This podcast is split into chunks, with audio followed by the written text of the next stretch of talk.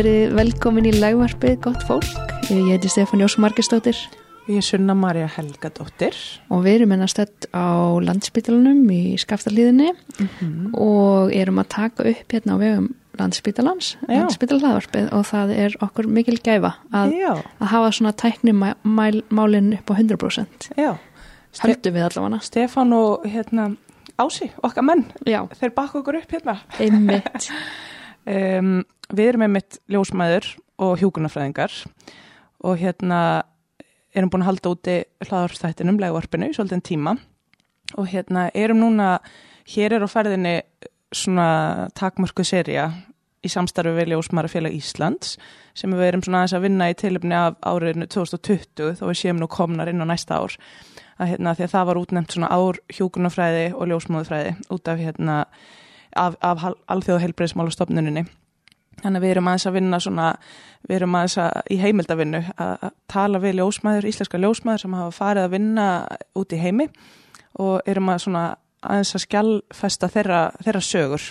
Og við erum svona búin að vinna þetta aðeins í samstarfi við hann Ingomarju ljósmaður hjá uh, ljósmaðurfélaginu og hún heldur úti Instagram síðu sem að heiti Ljósmaður líf og það um að gera 2020 Ljósmaður líf 2020, já, um að gera að, að kanna hana, eða að, að skoða hana.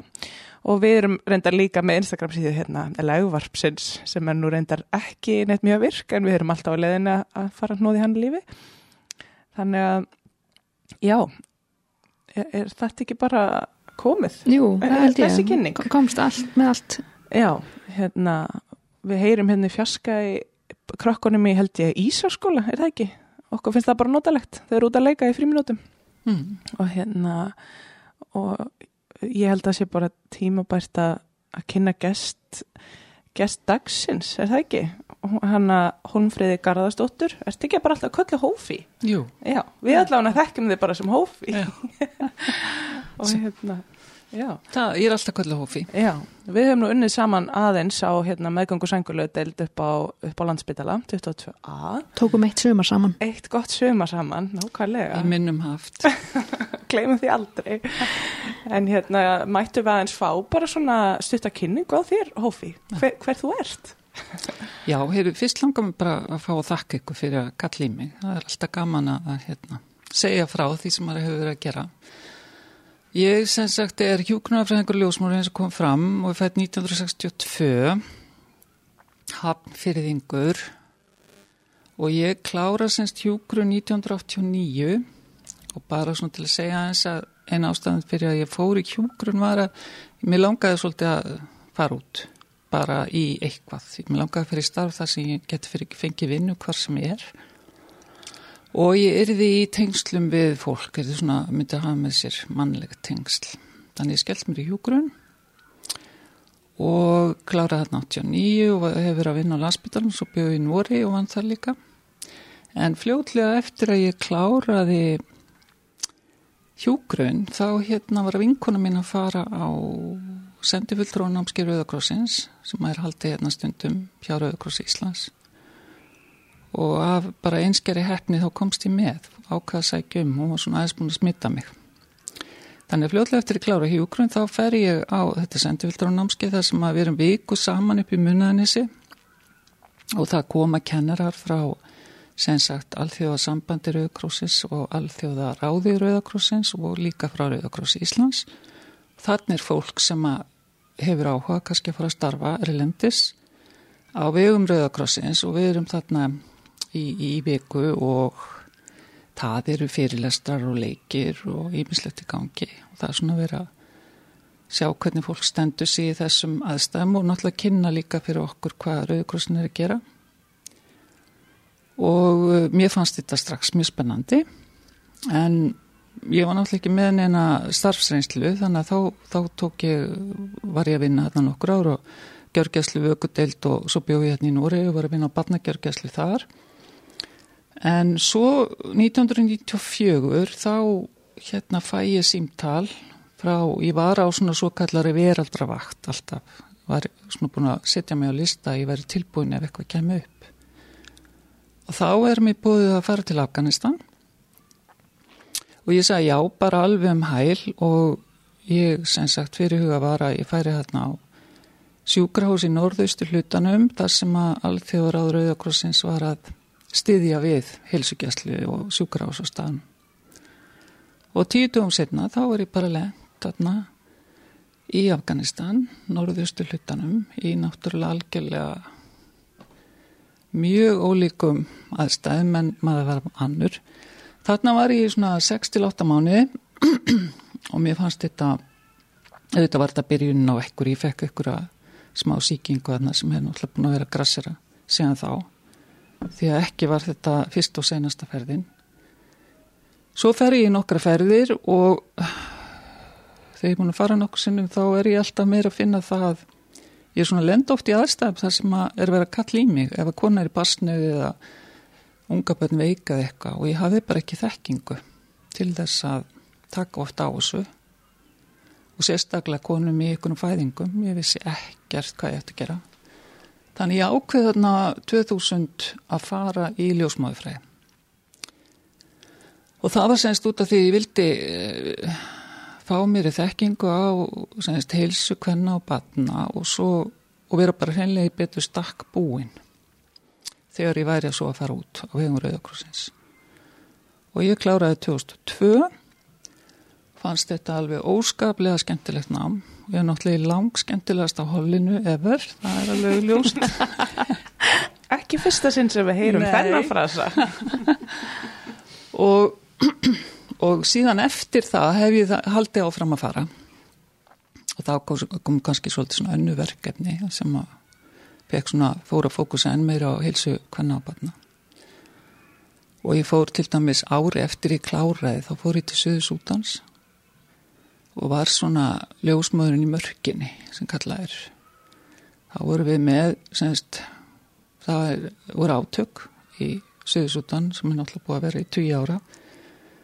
Og við vorum með svona út í mörginni stuðning við nokkrar heilsugjæslur sem að kerfið algjörlega allir innviður, algjörlega í rúst. Þannig að hérna Við vorum með, vorum teimið svona eitt lagnir, hjókunarfræðingur, ljósmáðir og, og hérna vorum með bólusendingaprogram og vorum með svona heilsugjæsli, grunnheilsugjæsli og svo hefðu við aðstöð til að senda, ef að fólk þurfti sjúkrahásvist, þá hefðu við aðstöð til að senda þau til Kenya.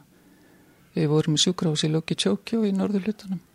En það var einn og halvu tíma með flý og flugvilin kom kannski svona þrísari viku og þetta var náttúrulega alveg rosaleg lífsreynsla að fara þarna en ég vil náttúrulega segja það að ég þótti pingu köld að fara svona ára eftir útskrift úr ljósmáðurinni en ég hafði náttúrulega gífilega reynslu að ég var búin að fara oft sem hjúka þannig að aðstæðina voru mér ekki ókunnar ég vissi nokkur meginn þannig lagað hvað hva, hérna hvernig í hvaða aðstæður ég væri að fara en, en hérna svo eru fræðin svo fersk í hausnum, ég taldi það náttúrulega mjög jákvægt og hérna þetta var ógleimaleg lífseinsla algjörlega að, að hérna kynnast bæði konunum þarna á börnin og sjá hvaða hérna þeirra, þeirra áskoranir sem var náttúrulega gífurlegar á þessu svæði. Þannig að þá byrjaði ég að fara sem ljósmaður og svo er ég nú búin að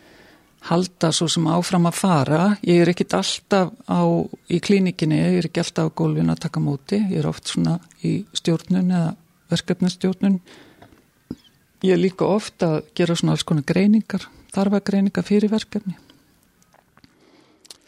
Þannig að þetta hefur svona þróast og núna er ég búin að vera 25 ár, það er semst ég fór 94 fyrst og hef farið kannski svona ég hef nú ekki tölu á því, ég hef náttúrulega farið til sumralanda oftar en einu sinni. En þetta eru eitthvað 20-30 staðir sem ég hef farið á. Mislengi frá mánuð upp í tvö ár.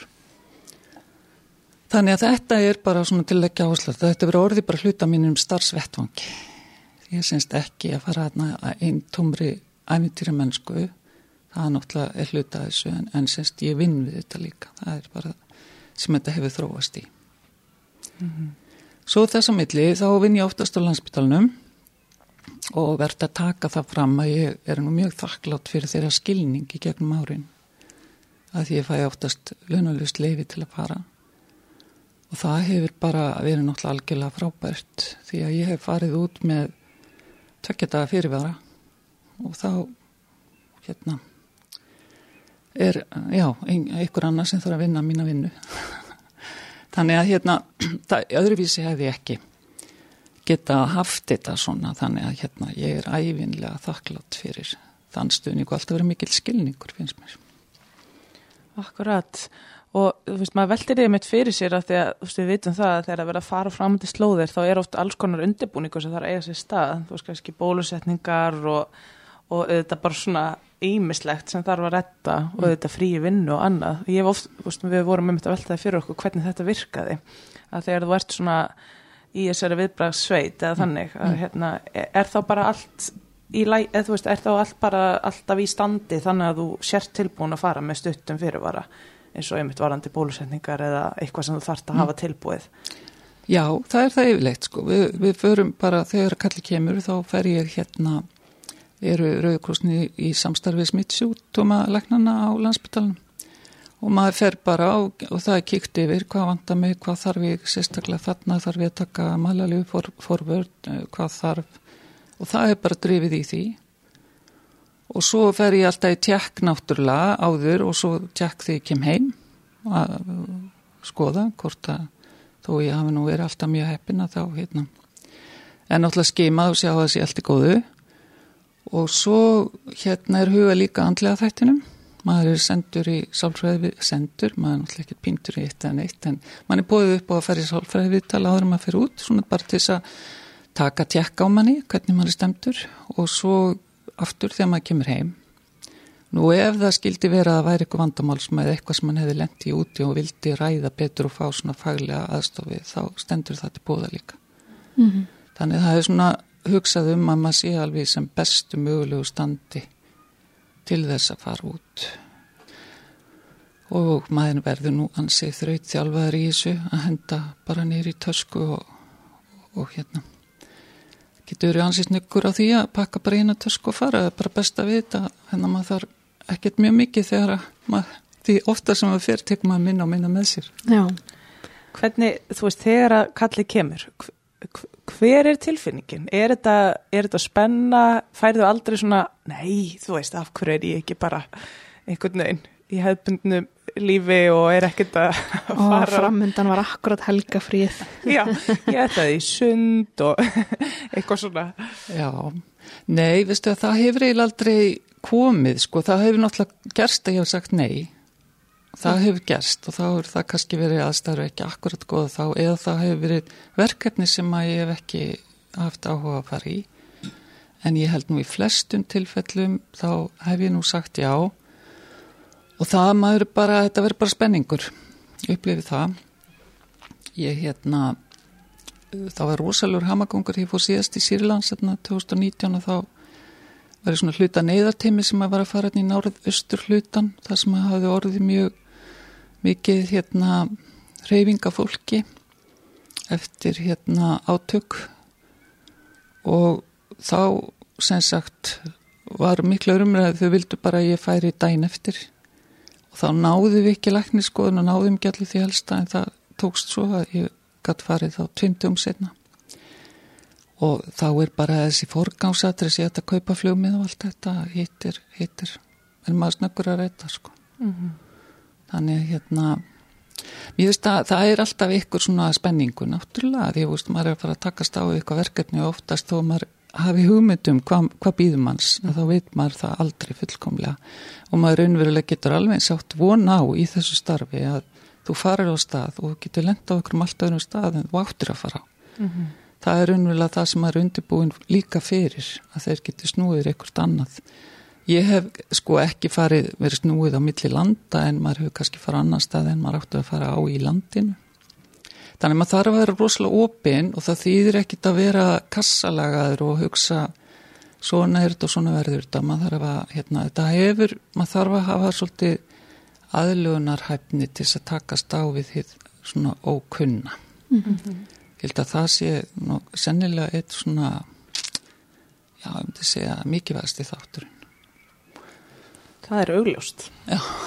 Ymmiðt og þú síðan kemur heim þar sem allt er svo fast í skorðum og þú ert síðan bara með þína vaktir og, og hvern, hvernig er þetta að þú veist takast á við svona ólíkar upplöfanir fram og tilbaka? Sko það, það er náttúrulega venst, þegar maður er búin að vera 25 ári í þessu þá er náttúrulega venst maður, maður, maður veit náttúrulega að það breytist ekki mikið hér. Maður kemur í vilt alltaf í sama umhverfið það eru sömu áskorunendir sem mæta manni og, og hérna maður finnur kannski maður breyst pínliti sjálfur og hérna búin að gangi gegn mýmislegt en maður veit alltaf hverju maður á vona ég geri það nú yfirleitt þegar ég er búin að vera sérstaklega ykkur mjög erfiðum stöðum þá reynir ég að taka mér smá frí. Ég tef mér oft frí áður en ég kem heim þá reynir ég að fara kannski í viku. Þegar ég komin út úr landina því vennilega fer maður í gegnum höfustöðunar í Genf og fyrir á fund þar sko annarkort á leðinni heim eða út en, og eil alltaf á leðinni heim þá stoppum maður þar í einn eða tó dag og ég hef mjög oft farið svona í viku eitthvað á sólaströnd eða eitthvað gert bara eitthvað stórborgarferði eða eitthvað. Og þá oftast nær eh, landinu sem var í Afriku eða Asi eða hvað sem er. Og við erum svona bara með sjálfur mér svolítið í nokkra daga.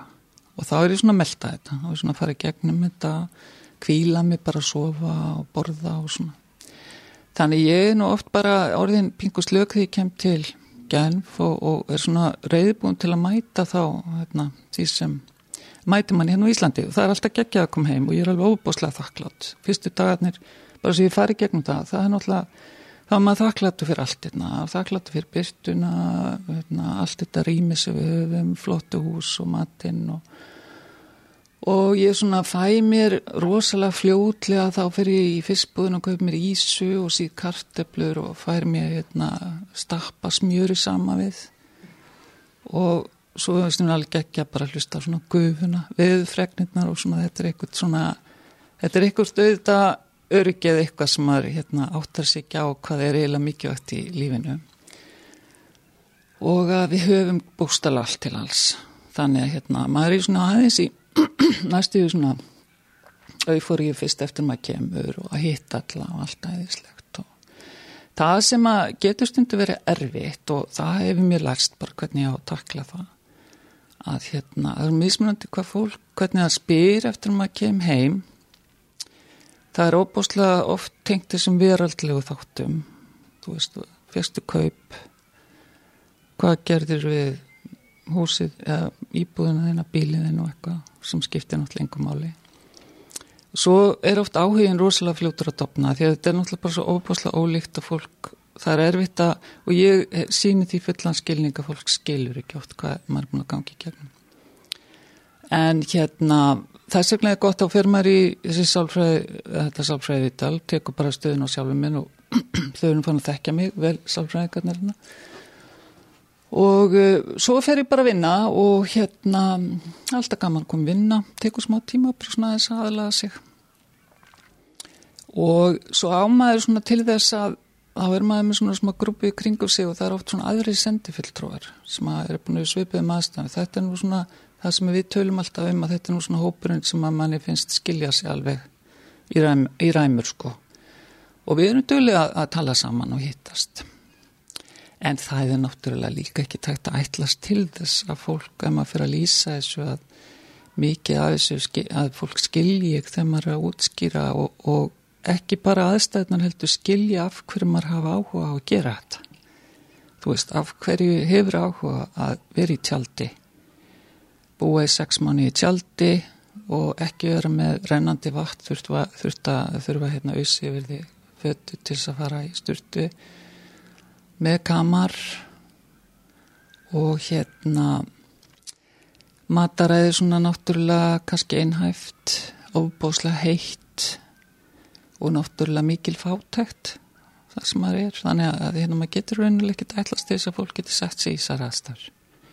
En ég, ég líti á það sem að algjör fóröttindi að fá þetta tækifæri og er hérna eins og ég kem á þetta heim alltaf þá er þetta þakklætt ég er bara ótrúlega þakklátt bara fyrir að fæðast á Íslandi og veist, allir þessi fórhættiti sem við höfum og hérna svo aðlæðis maður þessu daglega lífi hér. Og hérna og er svo tilbúin eftir einhver tíma að fara út aftur. Ég, sko, ég hef aldrei verið neitt hrifina, oftur beðinum að ráða mig alveg fast hjá Rauðakrossinum, alltaf Rauðakrossinum og vera kannski úti bara alltaf, þú veist, farið sín frí en vera á svona langtíma samningum. Mér, ég leita aldrei á það sem ég, eh, það myndi henda mér. Ég vil frekka fara bara oft út en geta alltaf komið heim á milli að því þá svona tekum maður stöðun og sjálfum sér á milli mm -hmm. Eiga svona þinn, þinn kjarna eða þína rætur þú veist, á einhverjum ákvarðum stað. Já, og, og huga að því, að því -hmm. maður náttúrulega svo sem hefur unni með fólki sem að gerir það ekki. Og það, hérna, það er engin greiði gerður að maður, hérna eigði sér alveg upp í þessu. Þannig að Getur örgulega verið auðvelt að brenna út Já. í þessu hlutarki og hérna eins og maður hefur alltaf hýrt um í, í öllum svona, öllum sem tengist einhverju svona hjálparstarfi eða sjálfbóðlastarfi eða öðru að þú veist þessi yfir þyrmandi þörf fyrir að langa til að bjarga bara heiminum ja. og gera meira en, en, en, en er raunhæft ja. að það geti svolítið farið með fólk mm. þannig að, hérna, að það er kannski eitthvað sem þið þurfið alltaf að vera að huga Já, það, maður fljótur átt að segja því að hérna, það var að, að sko, maður verið að átt að segja hvað eru mikið vægstu verkefnin og hvernig maður getur forgangsraðað. Og svo hérna sko maður ef, maður, ef við förum aðeins í við að tala um ofrisk eða passamandi konur og þá náttúrulega það sem hefur gegnum gangandi í þessum ferðum sem ég teki eftir að það náttúrulega konur og börn yfir þau sem að fara vest út úr og við erum talað til dæmis um átöku eða stríð sem ég hef verið á nokkrum stöðum. Að þá þó það þetta fólk er ekki í barndanum sjálfum en það, það er hérna, áhrifin sem þetta hefur og konur og börn er svo óskaplega viðtækur og við getum ímynda okkur ef við erum í Suðsútan sem er átök og kona er passandi og þar er náttúrulega tíðni fæðinga per konu hár, það er ekki það er almennt ekki það hefur aðeins aukist því ég fór svo til Sútans 12 árum setna hérna eftir ég var í fyrst skipti En, en hérna getnavarnir er náttúrulega ekki almennt praktiserar og hver kona verður svona 10-15 sinnum ófrisk. Svo er bara spurning hvað, hvað, hvað margar af þessum þungunum klárast og hvað, hvað mikið af börnunum lifa. Og væntalega nokkuð ungar að aldrei í sínum fyrstu þungunum? Já, þær eru 14, 15, 16 ára mm -hmm. og það sem að eins og til dæmis Suðisútan því að verðin 2003 og þá var ég þannig á þjóðflokki sem að heiti Dinka þjóðflokkurinn og þau eru alveg óskaplega hávaksin ég hérna er sjálf mjög hávaksin ég var stundum bara leitu upp til hvenna þannig að ég aldrei haft séð annað eins. Það voru allt upp í tverrmetrar wow. og það eru með alveg ofbóðslega langar langaleggi miklu miklu, já bara mjög langaleggi en hérna svolítið svona þrönga útgangsgrind sem sagt til þess að fæða. Það er verið, já það er byrjað að verða ofriska mjög snemma og það er hérna, það týðkast náttúrulega bara að það sé amman eða einhverju fjölskyldinu sem að hefur hugsa, eða hugsaður um viðkomandi það er semst verið að brína fyrir konum að mæti maðuravendin það á svona átakasvæðum er það kannski ekki til bóði En 2003 þá vorum við maðuravend þarna á fimm stöðum og, og hérna reyndum mikið til að fá konuna til að koma í tjekk og það var fyrir að ganga ágætlega. Það koma svona láta tjekka sig af ef það hafa aðstöð til. En það er náttúrulega er með þarna hinn áttabönnin heima og það er þurfa að sækja vatni og það er þurfa að gefa öllum að borða og vinnigarðinum allt þetta. Þannig að það er forgangisræðan náttúrulega hvað er mikið vexti fyrir það að gera. Ef þeim finnst það að vera heilbriðar og hraustar þá mæta þær ekkert. Svo eru suma sem mæta þeir eru búin að fretta þær eitthvað hvít kona sem er hérna frá einhverjum öðrum tæp, træp en hérna dingatræpina því hún er svo hávaksinn. Þetta var rosalegt stuð þegar hérna, það uppvitaðist að ég, það var mikið að pæli hvað træp, minn træp væri.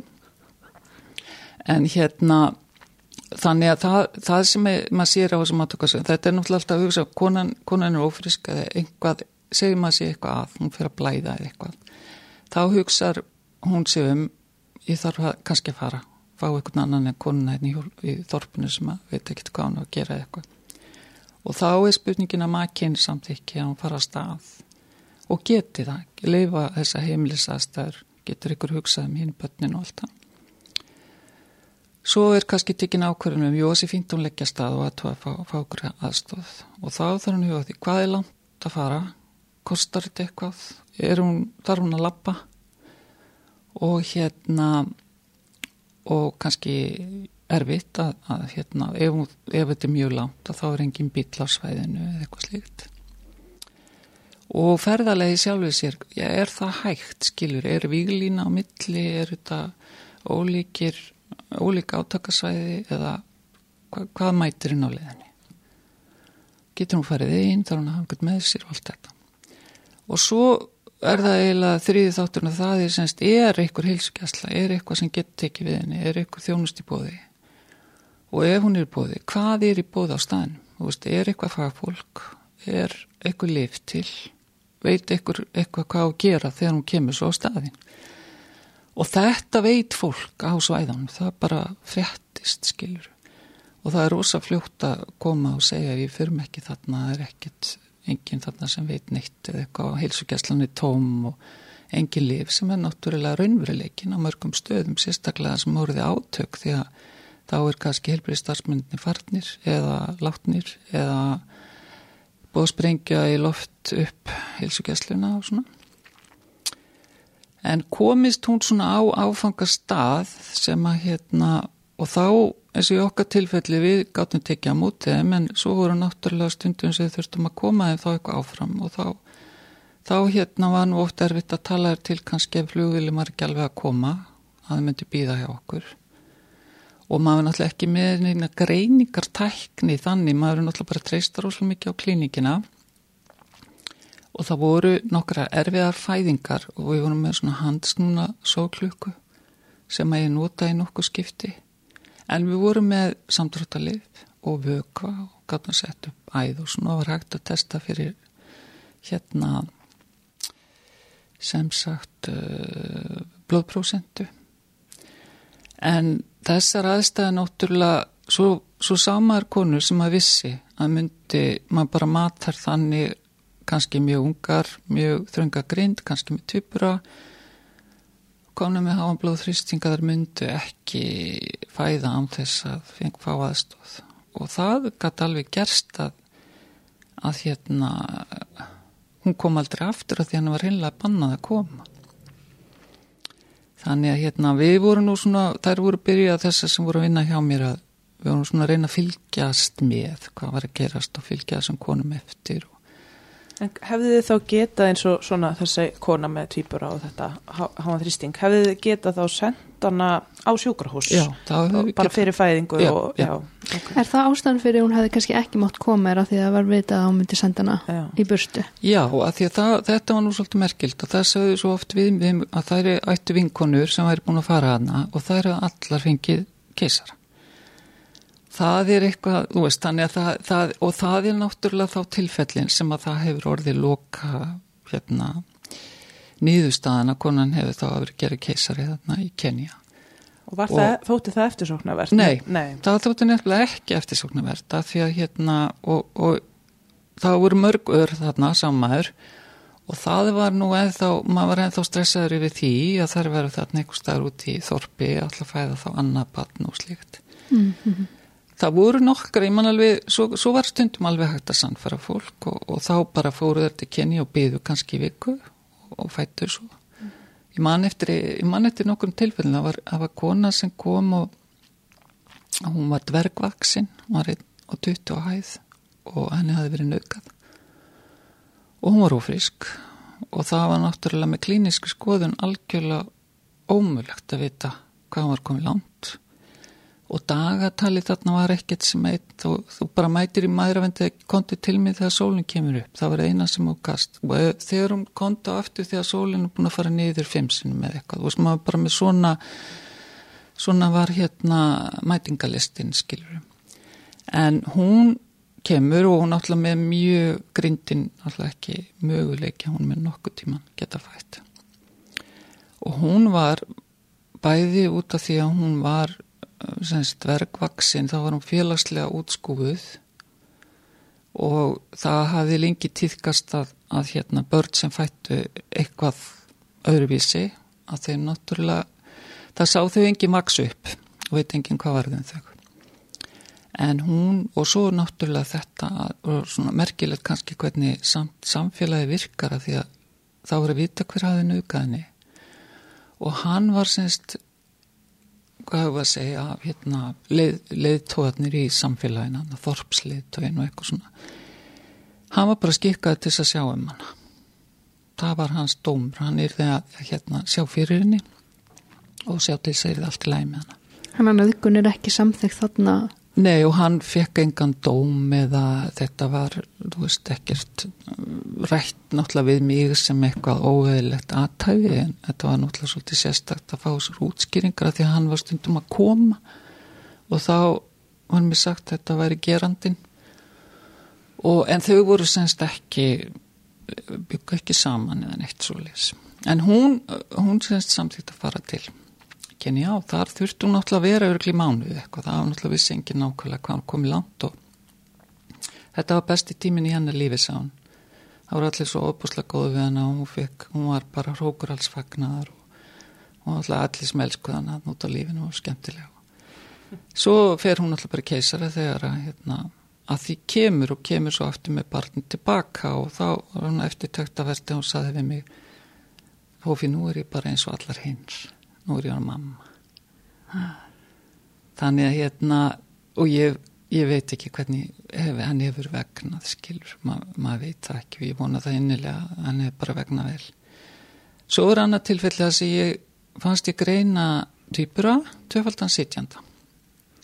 Og þessi kona var búin að eiga sex eða sju pötn og, og mér fannst það ekki mjög spennandi hugsunsamt að hafa hana þarna og ræði það við mannin hennar hvort þessi smugan samt ekki hún fari yfir þegar hann er komið bara svona heldur 37-8 vikur. Og kom mjög langt í síðana fyrst og, og hann samþykki það og hún fer. Og hún senst fæðir þrýpur alla í sitjandastöð. Og kemur tilbaka og í Kenya á sjúkrósi það kemur svo tilbaka og þá vill hann til að ég er að koma úr hann að smá frí, við fórum sko, við vorum það mikið út í mörkina hann í sútan að við gáttum, semst fórum út í Kenya þarna bara til þess að ringja og svona heim og, veist senda um, e-mail og svona Þú ert að tala um mörkina, er þetta að tala um eðimörkina? Já, sko þetta er allt eðimörk en það er svona lítil þorparna og, og hérna þá, þá er maður bara svona býrmar í svona litlu steinhúsi sem hefur verið hlaðið og hérna eru með hérna getum elda í gegn svona, sett svona solarpanels ja, solarorka og, og hérna og svo svona bara frumstæð. Reynleitsaðstæð með kömrum og allt en bara hefur nákvæmlega allt sem maður þarf. Þannig að maður fór stundum í, í luxusin þarna það var svona alveg styrta og hérna postulínsklósett sem er rennandi vatni og svona.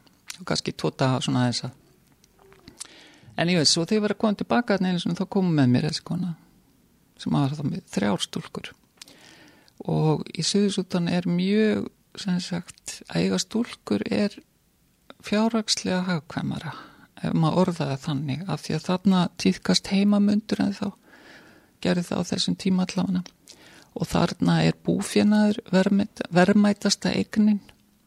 Því Þannig að fólk fjölskyldur selja já. stúlkur fyrir, fyrir fyrir og þá ertu þá er svona, já.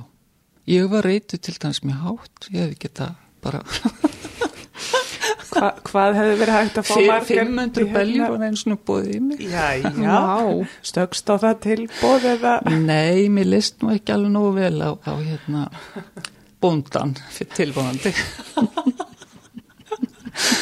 en hérna þá var það makinn eða kemur þá pappin mjög ánæði með þetta verið konar þá bara þrjár stúlkur á einu bretti þannig að pappin þetta var alltaf svo allt einu komið mann ekki típatni eða eitthvað. Og í, í hérna vildi þakka mér fyrir þó ég eftir nákvæmlega engan þátt í þessu nema kannski bara senda hann að hann komið þrjár geitur handa mér lífandi að sjálfsögðu. Og hérna í bandi, þetta var mjög fyndið og, og náttúrulega engin engin samskipti, við tölum ekki saman tungumál og, og hann treði svona bandin í hendun á mig og svo bara lappa hann í burtu og ég var með þar í armandatna og ég bara hvað í ósköpun á ég að gera þetta. Það er svo langt frá raunveruleikunum hans hérna á Íslandi.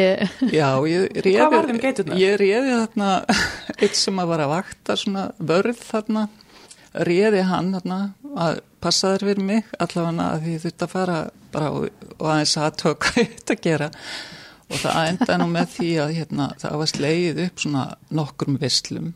Þetta var náttúrulega geitur sem átt að slátra Þannig að það voru grillveslur svona í eini heilsugjaslinu og eini heima og svona. Þetta er kannski svona skemmtilegast að gefun sem ég hört sem að ljósmaður, ljósmaður hefur fengið því að ljósmaður er nú duglega að fá gafir. Og konfektið eitthvað svona eftir fæðingu. Þetta voru þrjár getur. Já og ég minn, minni nú að þær hafi, einhverjar hafi farið, skilu við borðum, maður orðaði þannig ekki allar við, það var einhver sem tók eina á eitthvað Já. það er samþýgt held ég mínar, mínar hérna. ég var náttúrulega að kenna og þjálfa svona ungum, ungum stelpum sem að hérna, hefðu fengið svona smá grunn, grunnþjálfun í, í hérna, þjónustu við ófrískar og fæðandi konur. Mm. Þá konum frá sútan Já, það var semst hluti af verkefninu mínu. Við, sko það sem að þið hafa öruglega og ég minnir að Byrnagerður hafi talað um yfirsettu konurnar af því að þegar í kringu 1970 að það náttúrulega var mjög hár þau í þróunalundunum að það ákveður hérna, alþjóða hilbreyðismálastofnin að þjálfa konur á þessum stöðum í svona grunn viðbröðum við vandamálum í fæðingu og meðgöngu. Og þá þróaðist þetta yfirsettu konur traditional birth attendance og það er, voru búin til námskeið þar sem að það er svona fengu svona mjög bara basic upplýsingar um hvað þeir getur gert. Og það sem að var helsta markmiði var að það myndi átt að segja hvernig það er rétt að senda konuna frá sér semst ef það fara að blæða eða fara að blæða eitthvað þær myndu fá aðstóð semst ekki reyna að bjarga þessu sjálfar því þær höfðu enga þekkingu í það. Og þetta átt á þessum tíma í kringu 1970 að vera tímabundi verkefni að því það átt að menta þá fleiri ljósmaður en það bara hefur gengið hægt og, og þessi traditional birth attendance þeir lifa ennþá góðu lífi. Hins vegar hefur skánað mentun ungrastólka til ljósmóðufræði og það er náttúrulega bara eins og þess að við hjá Rauðakrossunum við höfum alltaf í okkar verkefni reynd að senda einhverjar stúlkur á einhver námskeið þar sem að þau senst verða að fá þessa ljósmæðra eru þá 1-2 ári í námi og koma aftur í hér að eins og það var bara byrjaði hérna á Ísland á sínum tíma þú veist það var eitthvað fengin úr síslunum til að menta sig til ljósmóðufræði og svo kom hún heim aftur og var með sitt fólk og þetta var svona sama hugsun. Þannig að það, þegar ég er nú 2003 og þá semst er mjög mikið af þessum yfirsittu konur sem hefur verið þjálfar sko mjög lungu áður að því að nú eru átökinn náttúrulega búin að setja sitt marka á alla skólagöngu, allt líf náttúrulega og, og hérna en við tókum það svona í endur þjálfun og við og alla tíð þá hefur maður sko þetta er mikilvægur hópur og hann hefur oft verið gaggrændu gífilega því að það er náttúrulega þekkingin er takmörkuð en markmiðið er alltaf að reyna að fá þar til átt að segja eða verið í samvinnu við næstu hilsugjæslu og einhverja fagmenn að þeir geti þá linkað eins og maður segir upp við það og, og fáið svona finnast þar vera kannski hérna aðeins velkomnar að koma með konurnar þó allt sér komið í ofni og það þarf maður að vinna mjög mikið við að því að það eru náttúrulega eru gerðnar að fá mikla krítika þar komið ykkur konu sem hefur kannski hefði átt að koma fyrr. Þannig að það er kannski verða hrættar og vilja ekki koma. Þannig að maður alltaf hluti hjá mér er mikið verið að ebla og, og hérna og að við séum í sambandi við það því þá vitum við aðeins hvað að gerast að núti það er nú allavega sumar eru náttúrulega komnar ansi vel á aldur og hafa og ég maður sá það náttúrulega oft svona kannski aðferðir sem maður myndi ekki mæla með en eins, og hvað þá? Já sko harkaleg það var til dæmis þarna endur, ég var þarna með smá svona námskeiði til þess að upprýfina kurs og þá var nú hérna tvær þrjár sem að höfðu nú verið týðkast það greinilega toga alveg óþyrmlega mikið í höfuðu þegar byrtist á þess að skilja skiluru hvað það geti verðt og gert og svo voru það oft sko svolítið hvað maður að segja, svolítið harðar við konurnar, ekki beint vondar en, en það vantaði nú stundum svona smá mýkt í þetta og svona umhyggju og, og, og, þarna, og af hverju það stafaði, hvort að þetta var eitthvað svona um að breytist með hlutverkinu. Völd eða eitthvað þannig, ha. einhvers konar valdar. Já, kannski, að því það er sko svo fenguð er náttúrulega eitthvað fyrir þetta, það er fenguð náttúrulega eitthvað kannski bókað sigri eða skiliru fyrir þennan fengur smá svona laun frá fjölskyldunni. Þannig að hérna en við, við hérna líka útvegu þeim til þess að reyna að gera þessar fæðingar sem reynastar þá, þá er það hérna sápa, rakvilablað snæri til að binda á naflastrengin eitthvað til að vefjum batnið, eitthvað til að þó konunni. Þú veist þessir, þessir hérna þessi þætti sem þarf til þess að að því að síkingar eru náttúrulega algengar og, og hérna þannig að þær koma og fengur hjá, hjá okkur alltaf svona pakka. Og það er gátt alveg höndlað þessari eðlu og fæðingar oftast því að, að hérna, er konur sem búin að meða mörg börn og það gekk bara vel. En stundum gekk það ekki upp. En sagt, þannig, þannig hluti mikið af starfinu alltaf að því að maður hefur þekkingu og þá náttúrulega þarf maður að miðla henni. Mm -hmm og það er náttúrulega bara skildamanns raunverulega að hérna reyna að gera það þannig að, að, að fólk átti sá hvað þeir eru að gera vittlust í þessu. Þannig að þitt hlutverk var kannski ekkert síður að, að reyna einhvern veginn að þú veist að hjálpa samfélagin að verða svolítið sjálf, sjálfbært og fungerandi frekar en að þú væri að bjarga málunum í þinn tíma og svo bara ferð þú og hvað þá Já. að þú veist að reyna svona að styrkja mentun og færðni þessara hvenna sem að búa þarna og eru þarna. Algjörlega og við vinnum mjög sko náið með þorpsleitóum og, og samfélaginu mm. því að hérna þetta er náttúrulega þeirra hilsugjastlega, þetta er þeirra staður þar sem þau búa og hérna og yfirleitt er, er mikill áhug náttúrulega bara að mm. taka þátt í svona verkefnum. En eins og þegar þú ferð út í svona ferðir og segjum hérna þú sérst bara fyrsta deginum mætt til Sútan er þá bara einhver, er einhver svona aðgerastjóri sem segir bara hófi, nú veist þú að fara í að hérna, reyna að búa, þú veist skapa einhverja maðuravend eða þú veist hvernig, mm. hvernig finnið þú út hver gerir hvað og eru margar ljósmaður á vegum Rauðakrossins eða mm. hvernig er mm. það? Nei, sko því yfirlegt er náttúrulega Rauðakrossin alltaf búin að gera einhverja greiningar og ástæða fyrir að fara inn á svæði til dæmis allt því á ráðið er á þessum átakasvæðum sem er náttúrulega miklu erfiðara að vinna út af örygginu.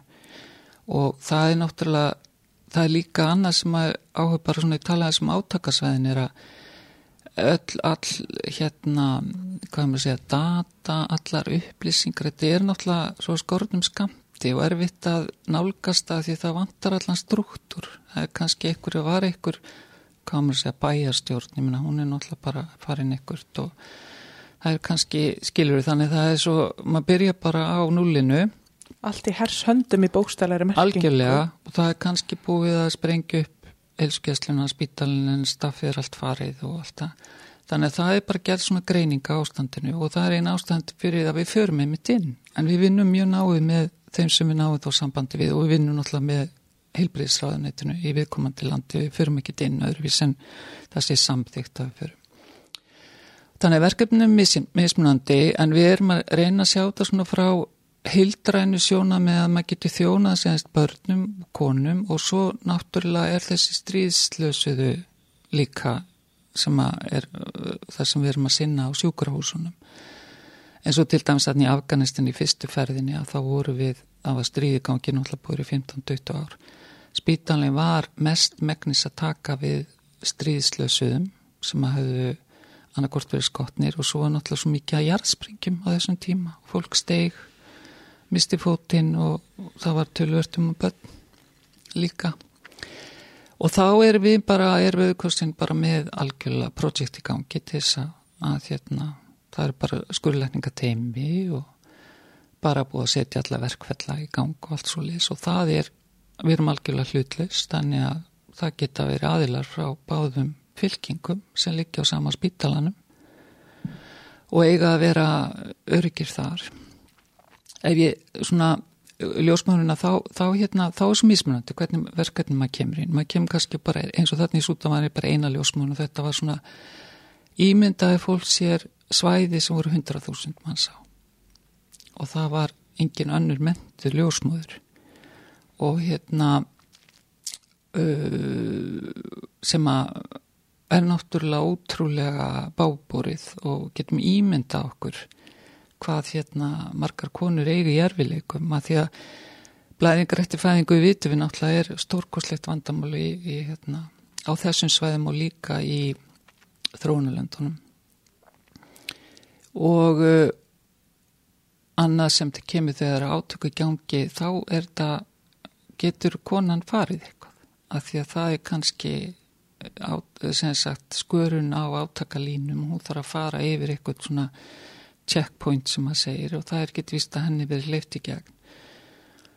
Og það sem ég kannski sé á 25 árum og nú er orðið stort verkefni hjá Alþjóðröðakrúsnum er það að virðing fyrir tilbrið starfsmönnum og hérna rauða krossinum á sjúkrabílunum okkar hefur náttúrulega verið, hvað var að segja, mísnótið óskaplega og það er eiginlega gerast meira og meira.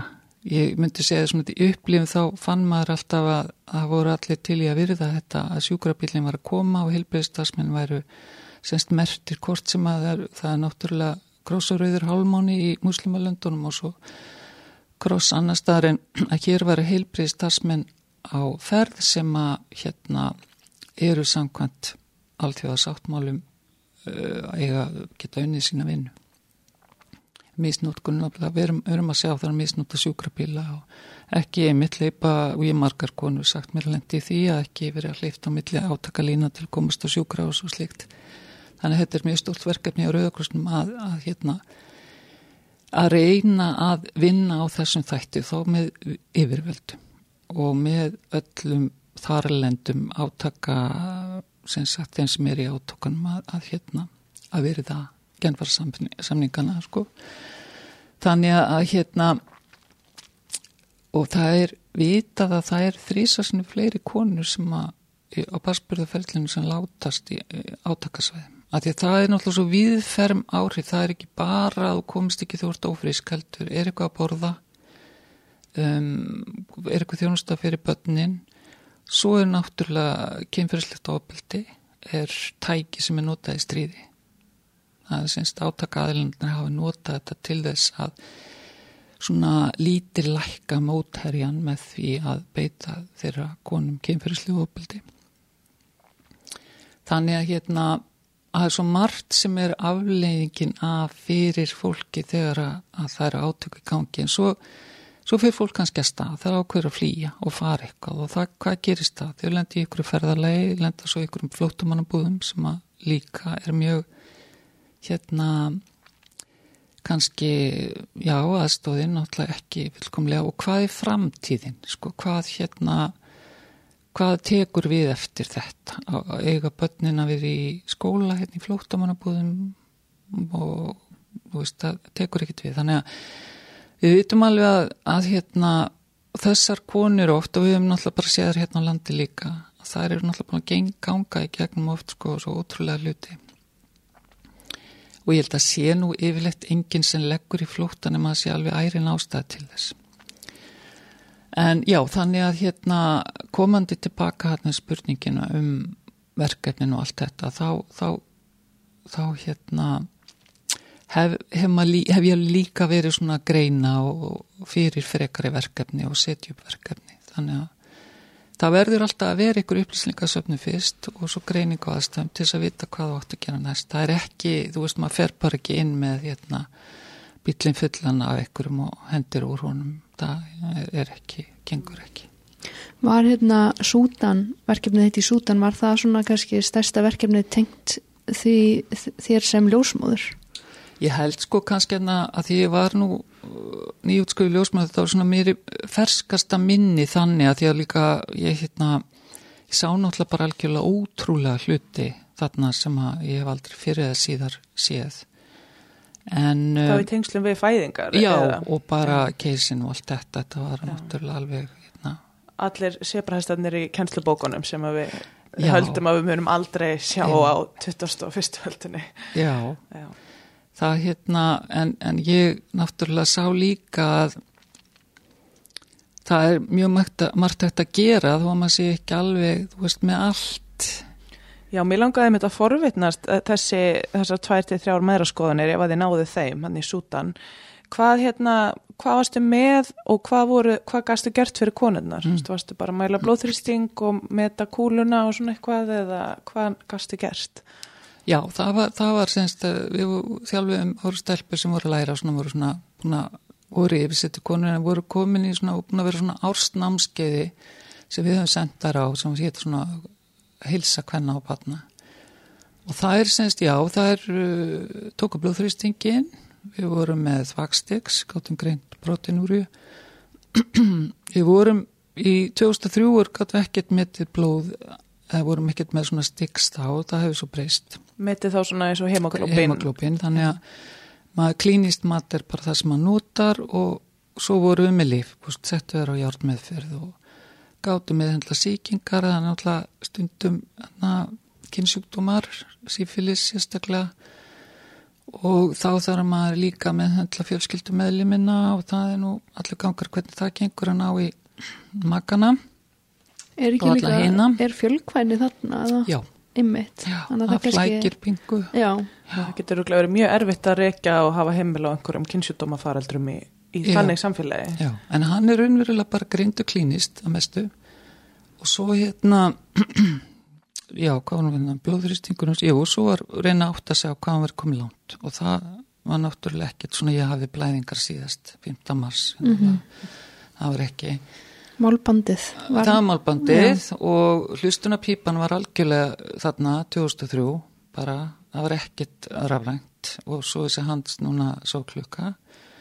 En ég meina vorum nálega gáttum hint upp dreipi fengur töluvert að fórsturlátum að því að konur voru náttúrulega að vinna mjög mikið bera þungt og í vatni og allt þetta og við, ég hafði bara sem reglu, ég lagði þær bara inn ef ég mögulega gati eitt og daga og gæðum svolítið sigvatn og veist bara litar kvíla sig Og þú varst þá svolítið til taks þarna á ykkar heilsugæslu stöð. Já, já, 20, að- 24 tíma, Já. 24-7 nema þegar ég fór hérna bara til Kenya kannski tvo daga og ég var bara með minn landkrúser og það komu oft og já, já eitthvað starf í safni úr sér ferð, það voru ótrúlega því að þeir voru svona aðeins dreifðar þessar fimm hilsgeslustöðar að þá átti, átti ég svona nótu sem hafði þá maður komið á hjóli heilsugeslustöðin sem var hérna kannski hálftíma klukktíma í burtu. Og þá var fyrst svona, það var einhver búin að skrifa á ennsku á miða að hérna fyrst var ég blessuð í bak og fyrir gott og allt þarna hérna, fallegar kveðjur fyrst að hérna drottin blessi mig og allt í því sem var náttúrulega fínt en þarna væri kona í neyð hvort ég geti komið þannig að það var dagur og hann kom sér satt hjólandi til því með þennan, miða. miða. Já, já, það var sagt farðu þarna hittu og þá fór ég með einhvern með mér sem að talaði náttúrulega tungumálun og ef það var dagur þá brunuði bara af stað. Og hérna það er engi vegir hann þetta er náttúrulega bara svona slóðar. Og hérna og þá sama er oft uh, já, og kannski þá konur sem voru búin að vera lengi að reyna að fæða og, og þá kannski fóstrið eða barni dáið eða, eða búin að fæða og ekki fylgjan komin og, og svona. Þá var maður með þetta hvort maður tækja hana með sér eða hvað maður gæti gert. En og, og heilsugjöld sem var hérna bara staðista sem var næst í sem við byggum að þá, þá kölluðum við brút líka nóttinu og þar sem að þannig að hérna, síðan bara til þess að þróinu sem var svo, svo minnum ég verið 2016 eða 17 eða eitthvað aftur í Sútan og þá fór ég út með það skemmtilega starfsheiti Flying Midwife. Ljósmáðurinn fljúandi að því að við erum með starfstöður á hérna ykkur sex stöðum minni mig og ég átti að vera svona stuðningsljósmáður fyrir hinar ljósmáður. Þá voru semst erlendar ljósmáður í verkefnunum hjá okkur á sem sex stöðum. Og þar var venjulega spítali tengdu við einhvers konar aðstæða og hérna og ég átti svona að fljúa milli og peppa þær að hérna og sjá hvernig gengi og sapna svona upplýsingum alltaf en síðan verður aðna smá verða átök og, og þar ljósmaður sem voru með sem voru frá Kenya þar gátt ekki starfa við erum að senda þær í burtu. Þannig að ég fóru aftur í klíningina þarna held minnum ég verið þrjá mánu og held ég aðnúali bara verið sex mánu þarna sem ég lendi þá á gólfinu.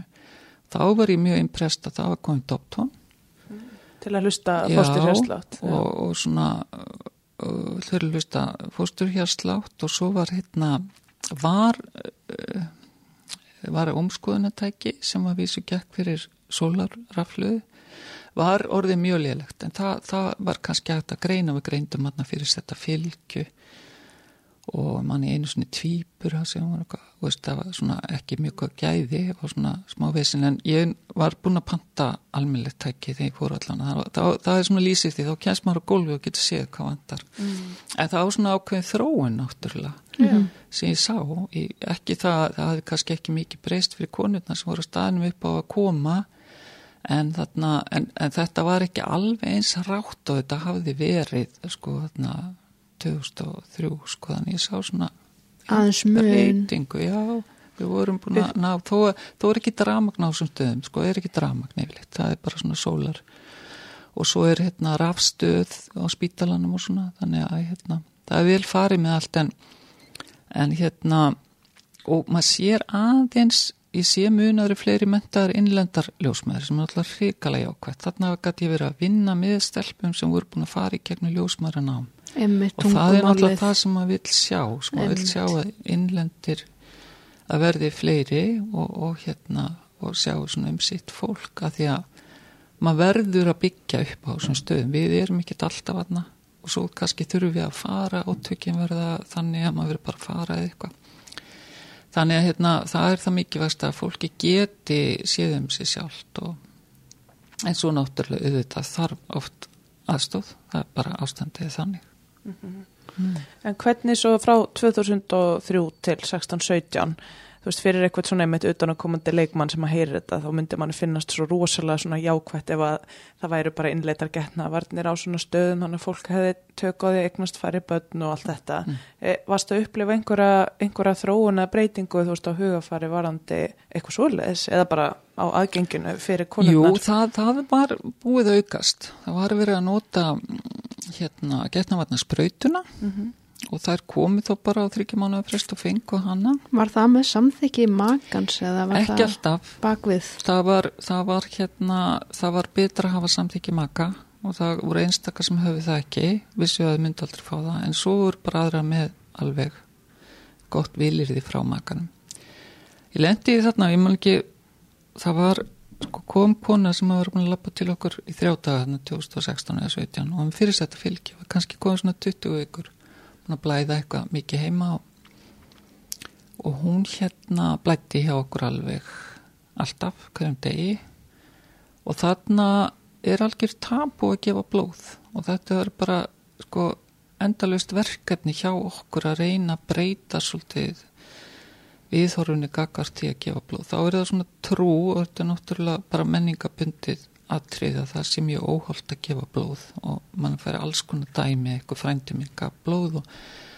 hann var uh, veikur að sem eftir lifið æfinar eða eitthvað svona dæmi. Og það er talið mjög óheilbreykt að blóðu þér fari í eitthvað annan.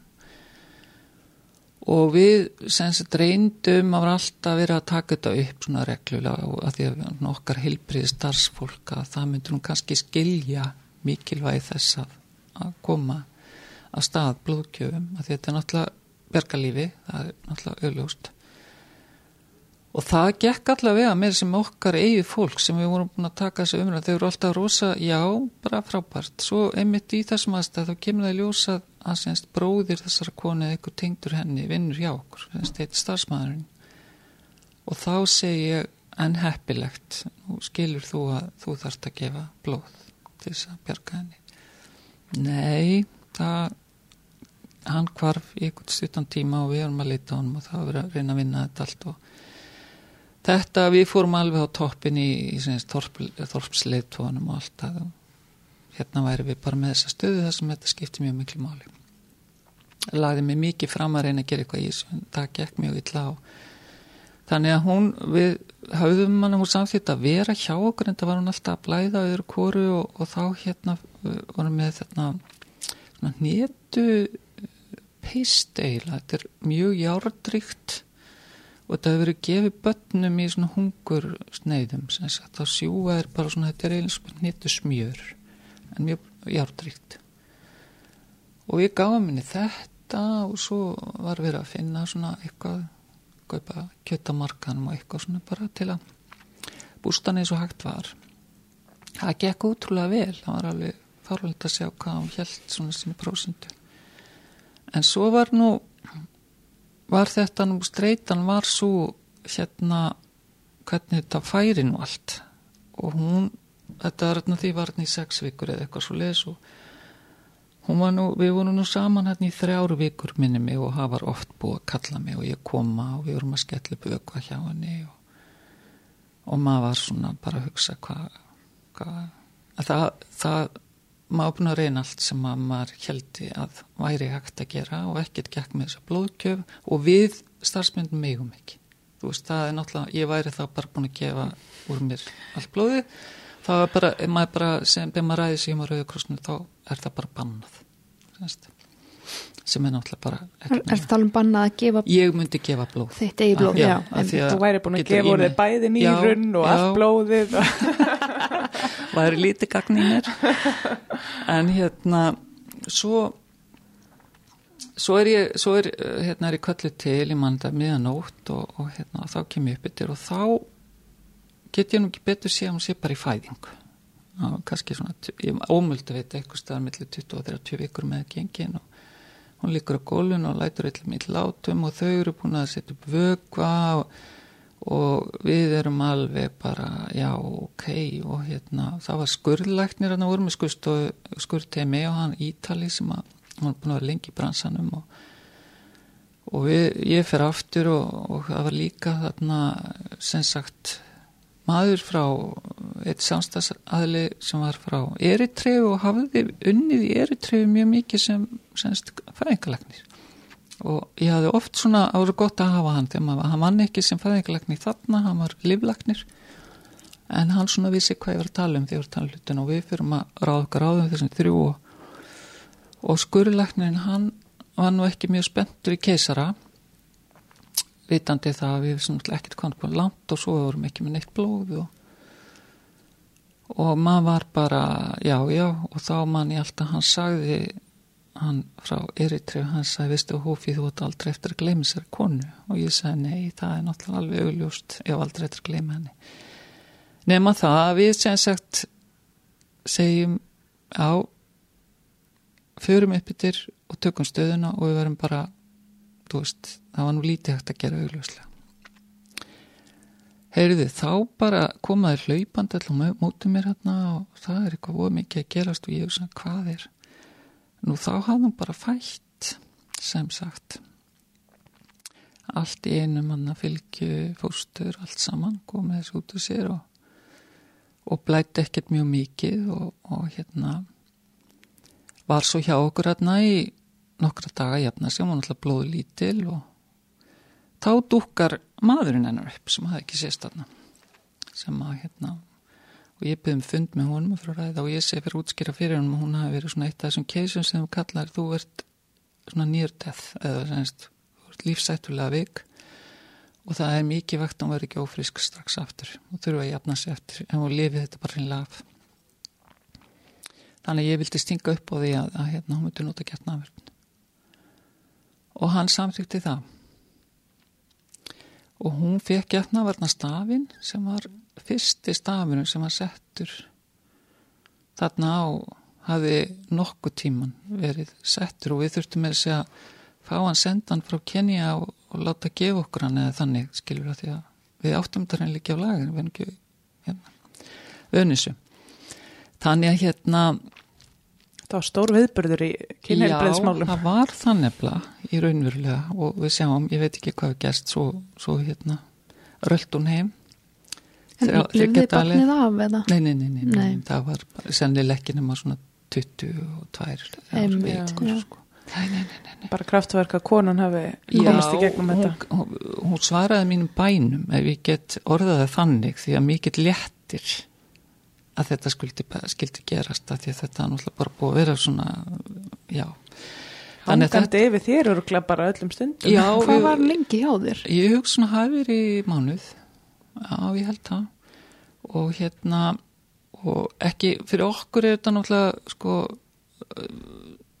ég hef ekki mist konu í fæðingu úti en við, ég hef mist börn og semst komið andvanafæðingar og slíkt en maður sætti sem náttúrulega aldrei við maður reynir náttúrulega bara að gera allt sem maður getur. En hluta þessu það og við vorum að ræða það það er bara mjög líklegt um vissum hana. Þú veist, við erum ekki með það sem þarf til þess. Þó að við séum með faglegu þekkinguna þá til dæmis bara eins og þetta með blóði Var, var og einhver tíma gera keisara 21 og 2 vikur og teknin og allt í því.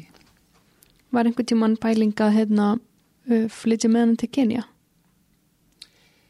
Nei, það raunverulega, nei, það hefði ekki, sko, við vorum með sjúkrahásarnar staðin, við vorum semst á öðrum staðinu 2016, en, en það, var hérna, það sem hefði getið gert var að, hérna, eins og þarna vorum við ekki með þessa blóðkjöf og þú veist, þetta er, við vitum það bara með fyrirsætt fylgja, konum bleiðir bara út, þannig að, hérna, fyrir, fyrir leikumenn þá er það þegar að fylgjan er staðsettirinni bara yfir, yfir legangar opinu þannig að hérna, hún blokkarar fæðingavegin og getur blætt frá þessu alveg endalust út, út meðgöngun og verið bara heilmikið vandamál. Já, ég, og þessar konur fara, eru bókaðar allar í keisara, þú veist hérna í vestranum með heimi, Já, já. þegar þetta er greint. Já. en hérna, þú hefur náttúrulega farið svo, til svo margra landa, við gætum örgulega að tala við þig bara í heila viku, við vorum svolítið forutnar að fá að heyra eins um er það ekki síðasta, að nýjasta ferðin þín, var það ekki til Sýrlands? jú, Já, og þar sem þú starfaðir í flóttamannabúðum, er það ekki? Jú, það, það var þarna uh, þegar ég, að ég fór þarna með tvekja fyrir var að það, ég var hluta þessu neyðarteimi og þá hérna var sem sagt, uh, hafi, var komin upp svo aðstæða í norðaustu Sýrlandi. Voru komin 130.000 manns í flóttamannabúðum bara á nokkur dögum og yfir 90% konur á bönn. Maður er bara að reyna að melda þessar upplýsingar Já, hérna. og ég myndi nú segja af þessum konum hefði nú verið uh, meir en 50% barsamandi Já, hérna hér. og það uh, sem, sagt, það sem við vorum að spá þar var að í þessum flótamannabúðum það var sem sagt lítil borg nálagt og það var verið að reyna að senda úr þessum flótamannabúðum þar til þess að fá sko þar var skurstofa það var ekkert komið inn í flótamannabúðuna þó að verið þannig 130.000 manns og hérna þá var búið að gera svona grunngreining á því að við ætlum að senda reyna að setja bara upp spítala inn í svona Flóttamanna tjaldsjúkrahús inn í hérna, Búðunum. já, búðunum sjálf Og maður er að nátt þessu á því sko bara á landsvæðinu hver stórt svæði þetta er. Er eitthvað nefn hægt að lýsa því eða þú veist, þetta lítur að vera alveg óbáslegur tróðningur af, af fólki já, í rauninni. Já, já. Nei, veistu, það er náttúrulega stór merkild að sjá hvað það skipulegst fljótt sko, að því þarna taka þá allir viðbras aðila bara saman höndum Mm. og þarna voru saman í tjóðnar og þarna voru auðvokkursin og ímis önnur hérna, hjálparsamtök og þá er bara skipulagt hver ger hvað og skipta kannski bara á milli sín svolítið svæðunum og það er náttúrulega bara drifið upp að setja upp tjöld og dreift til fólks uh, teppum og matvælum og sett upp salirnis aðstæða, reynda að koma vatni í gang og, og svo náttúrulega í leiðinni heilsugjæsla og það sem að byrjar þá eins og þarna voru við bara með heilsugjæsla hjólum sem að fór þá nánast bara um fólk og fekk aðstóð þessa grunnaðstóð en það vantaði semst að, að hérna að væri eitthvað hægt að, að veita eh, aðstóði formi skurðaðgerð. Því að þarna var staðan svo þetta fólk hafi verið að fljóta eftir átök og voru mjög margi sem voru slasaðir. Og með konni með alvarlega síkingar það var hérna þessar mjög mikið að barsamandi konum sem að þurftu þá náttúrulega að fæða. Þannig að ég fór að vinna að því að saman með sýrlenska rauðahálmánunum landsfélaginu að við getum komið sjúkrahúsin upp aðna og þar var ég í semst þrjá mánuði og það kom svo svona kallega tjald sjúkrahús þar sem að kemur inn með skurstofu með öllum helstu deildum sko raungandildinni og, og hérna, rannsókn og, og legudild og það er þá vennilega líka barnadild og svo svona mæðra hérna, fyrir konur og, og barsamandi konur. Og hérna uh, þess bara skellt upp og, og hægt að taka við fólki og náttúrulega slýsa múttaka og allt svo leis svo voru við búin að setja upp heilsugjæsli við hliðina og sem er svona meira langvarandi verkefni því að þetta, þegar við erum að hugsa um svona þetta er náttúrulega ekki langtíma sjúkrahús eða úr í tjöldum og ég hef unnið áður svo leis á nokkrum stöðum þar sem þetta er bara algjörlega neyðar aðstóð þú ert bara að henda upp til þess að geta vitt þess að þjónustu. En náttúrulega tjöldin þau þurfa þau endast ekki endalust og þú veist þegar að þessi innri viður í viðkomandi landi taka við sér að þá náttúrulega föru við skilur þetta er bara þegar algjört neyðar ástand en af því að ég nú með þessa mentur náttúrulega í þessu flottamálabúðum þá náttúrulega var ég mjög mikið að fara um og meta ástandu og heyri konunum og hvernig það leið og, og hérna á þessum hérna, tilskeiðsla hjólum þá gáttu við vitt þess að svona meðravend Varstu eina ljósmórinu þarna? Nei, þarna var ég nefnilega að því að við vorum að vinna með sílenska rauðhálfmánu þá voru ljósmór þar og líka hérna fæðinga á kvennsjúkdómalegnur þannig að það var, það var hérna það var, en við náttúrulega sko, við vorum hérna dægin með þau og urðum þá að senda frá okkur ef það var til þessara borga. En, en þarna svo kemur annað. Já það er lítil borgarna rétt hjá sem að búa eitthvað x-marki manns. Það fyrir þau að taka við 130.000 manns sem ofan á allt hitt er náttúrulega gífilega áskorinn þannig að hérna en uh, þetta er útrúlega gaman samt að sjá þetta verða og það er náttúrulega svo skemmtilegt í þessu því að veist, það verður svo það er allir bara að vinna sama markmiðinu. Og það eru ímislegt stendur í vegi fyrir manni. Veist það er, pólitíkin getur staði í vegi fyrir mann og alls konar konfliktar og, en þarna það er bara einhvern veginn að reyna að finna það bara einhver aðra leiðir sem að hérna geta hugsanlega virkað en þetta er, þetta er hérna þetta er mjög mikil áskur mm -hmm. mjög mikið og hérna ég var til dæmis hérna í Bangladesh eftir að, að hérna verður hérna róhingjar fara á flóta frá Myanmar og þá hérna þá erum við svona stjórnaði svona færanleiri hilsugjæslustöð og þar var líka mjög margar konur og friskar og það hérna var mjög áhugavert verkefni og svo hafa voru við um tjáltsjúkurós eftir tsunami á Súmötru þar sem við hefum sett svona við liðin á íþróttaleikvangi. Að því þá er náttúrulega bara kerfið á staðinum algjörlega farið í rúst og náttúrulega var svo mikið heilbriðstafsmenn sem lést í því og þá er það sendt svona inn kannski sem nokkra mánada stuðningur aðurna hitt getur og svo náttúrulega er verið að veita aðstóði að byggja upp það sem er fóru afla á staðinum og hvernig það getur farið í gang aftur. Mm. Mér sétt hvað það tekur langan tíma náttúrulega. En eins og í, þegar þú hefur verið í flótamannabúðum og svona, er, hefur þú þá verið bara kvöldu til á milli fæðandi hvenna eða er einhverjar aðra konur í því eða bara allir kongur á því? Nei sko, yfirleitt er fólk svo að þurfa að bjarga sér, það mm -hmm. er mhm. það sem er. Veist, þetta er ekkit, maður er ekkit hérna, alveg móðu til þess að þannig skilur við það, að því að það fólk bara, það kemur til þín þegar eiginlega allt annað er búið að nota allt annað, skilur við. Það hérna, það er og ég man eftir því ég var nú ekki að vinna á spítalunum okkur hérna í Bangladesh en man ég komin sem þar framhjá og þá hitt ég ljósmárun sem var að vinna þar og hún var algjörlega áfalla því þá hefði komið semst kona sem var ofríska týpurum og annar týpurinn hefði fæðst. Og hérna ég man nú ekki alveg hvernig sagan var en þau vildu taka henni keisara. Og hún kvarf Konan? Já og sást aldrei meir veist, þannig að þú ert með eitthvað svona aðstæður oft sem eru svo heimin uh, á haf frá því sem mm -hmm. að verða svona, í daglegu lífi. Það bara svona og það, þetta upplýði oft í sútan sko, það, það var ekki allir sem gerði það sem það þó þú værir að ráðleika þinni fagmennsku þá er ekki endilega það að fólk myndi fara eftir þessu.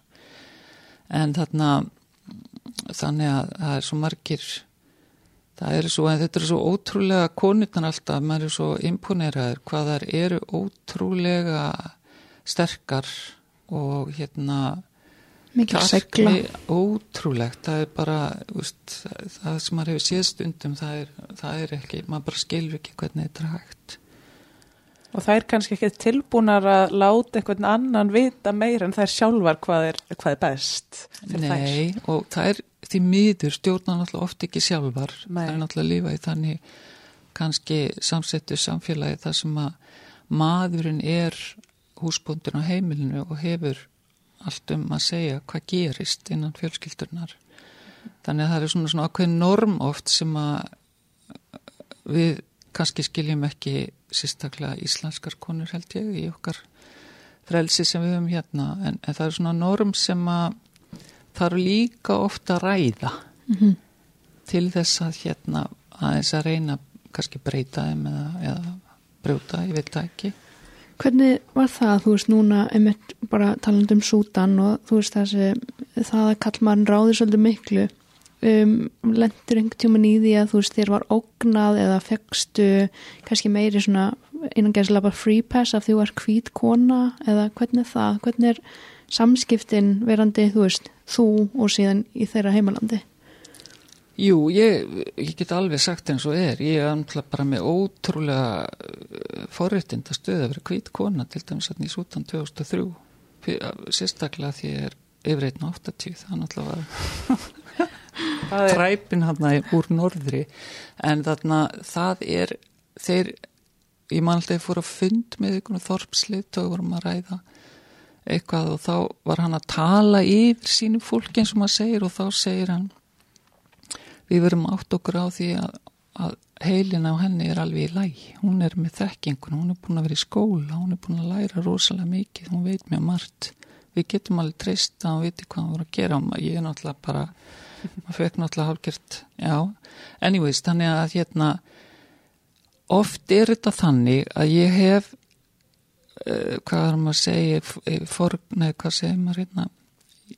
Ég uh, býja því að vera þá þessi kvítakona oft er þetta þannig að konurnar, að því að konurnar líka halda þá ég veit eitthvað meira að geta gert eitthvað annað. Og svo er þetta líka þeirra forvitni. Það er náttúrulega oft forvitnin sem reyku þeirra stað að koma og skoða þessa kvítukonu.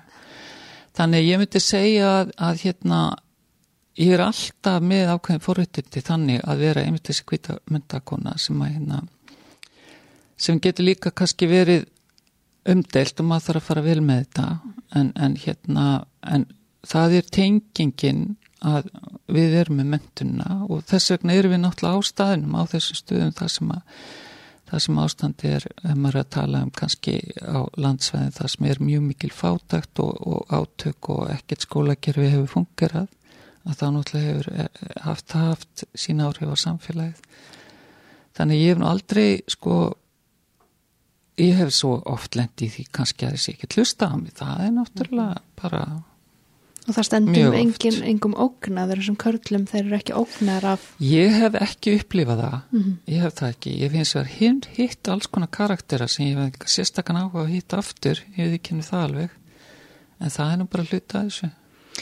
Ég er bara svo, ég er svo forvitin, e, hvernig það, þú veist, er, er fólk mikið að snerta þig, þú veist, húðlitiðinn eða því að ég kannski, þetta er fólk sem hefur kannski aldrei séð kvitt fólk á þér? Mm, mm.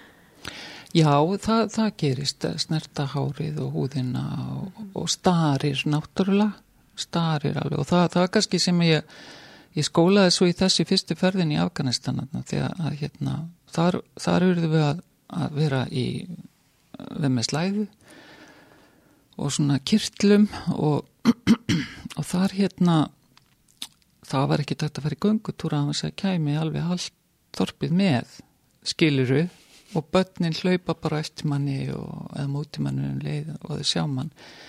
Þannig að þá hérna var maður mjög snakkur átt að maður verið svona rosalega ólíkur og, og hérna. Þannig að, að fólk tekur alveg eftir. En ég, maður verður bara ef maður er með einhverja kompleksi við því þá þýðir ekkert að vera í þessu.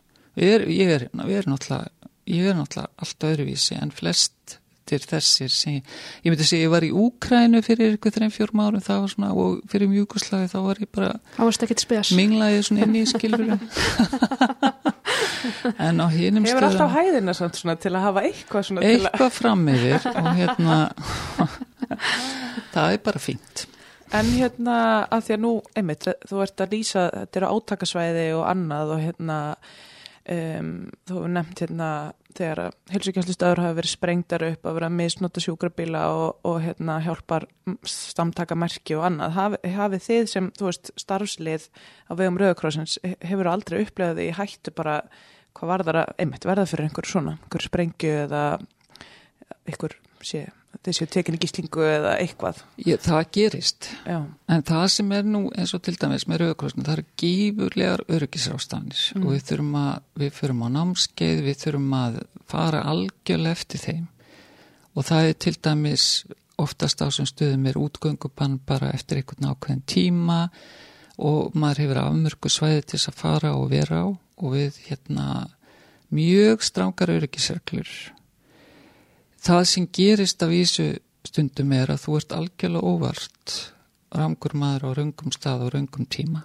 Og þannig hefur það gerst að fólk hafi kannski verið tekið í varðhaldi eða verið slasað eða hvernig sem það er skilur. Þannig að það, það er eiginlega þrátt fyrir alveg gífurlegar örgisrástan og ég sé mjög miklu aukningu gegnum árum og því og það er bara mjög gott. Það, og við vitum, erum í sambandi við alla aðila alltaf að tjekka öryggis ástandi, hvernig er, er í lægi að fara þarna? Fyrir hverja ferð. Getur við farið þarna, er það safe núna? Eða eitthvað býða með það? Og auðvitað erum við komin vilir því frá öllum aðilunum og getum ferðast og slikt. En, en hérna því miður hefur það gesta sendifullum hefur verið rænt eða þeir stórið fyrir skada. Það, er, það hefur gerst, það er ekki þetta það er ekki þetta neyta því það gerist, þetta er náttúrulega uh, og svo náttúrulega til dæmis bara bílslís og slikt, ég menna að verður annar staðar en átt á þessum átakasvæðum þá náttúrulega er er hérna og, og þú getur ekkert alveg verið alltaf 100% viss að að sé allt í góðu. En, en hérna maður svona fær alltaf bara tilfinningu og maður reynir líka að treysta svolítið á einn tilfinningu. Og svo er maður náttúrulega búin að búa sér til sínað kontakta út um allt til að að vera í sambandi við og fólk þekki mann og svo leis. Svo hegða maður sér náttúrulega bara maður er bara hóvær og, og hérna sínir þessu fólki virðingu þó að ég sé svo með þekkinguna þá er ég ekki sem sagt, ég er svona lítillátt gagvart þeim að því leituna að reyna átt að smá hvernig í hvað aðstöðu þau eru sem að skiljanlega er oftast bara umörlega, mm -hmm. algjörlega Þú ert ekkit undurlögða af hlæðslu þarna þegar þú ert. Nei, en það held ég að það myndi ekki ganga. Þú veist, ef maður er, ef maður það myndi, ef maður verður alltaf skítrættur, þá myndi maður eðast upp. Mm -hmm. Annaðið sem er mjög mikið vakt í þessu, og ég lærti gegnum árin, er að þú mátt aldrei missa húmórin. Þú erður að sjá eitthvað að finna í öll. Já, með þetta er svolítið svona komist Já. að hugsa hérna Já. allar svo sögur hérna Já. með geitina og svo einhver er hérna að blessa þig og þú veist, ert ekki stundum bara að hlæja af því hvað lífið þitt er jú, jú, jú. og aðstæðnar sem þú ert í finnar. Já, já, já, og það er bara, er sko margt mjög fyndi og við hefum ekki komið inn á en ég var til dæms í Norðu Kóru tæft ár á sínum tíma, getur nú talað alveg viku um það. Við erum búin að tala saman í einn og hálfum tíma og það verður ekki eins og borist í tala, þú hafið farið þangað.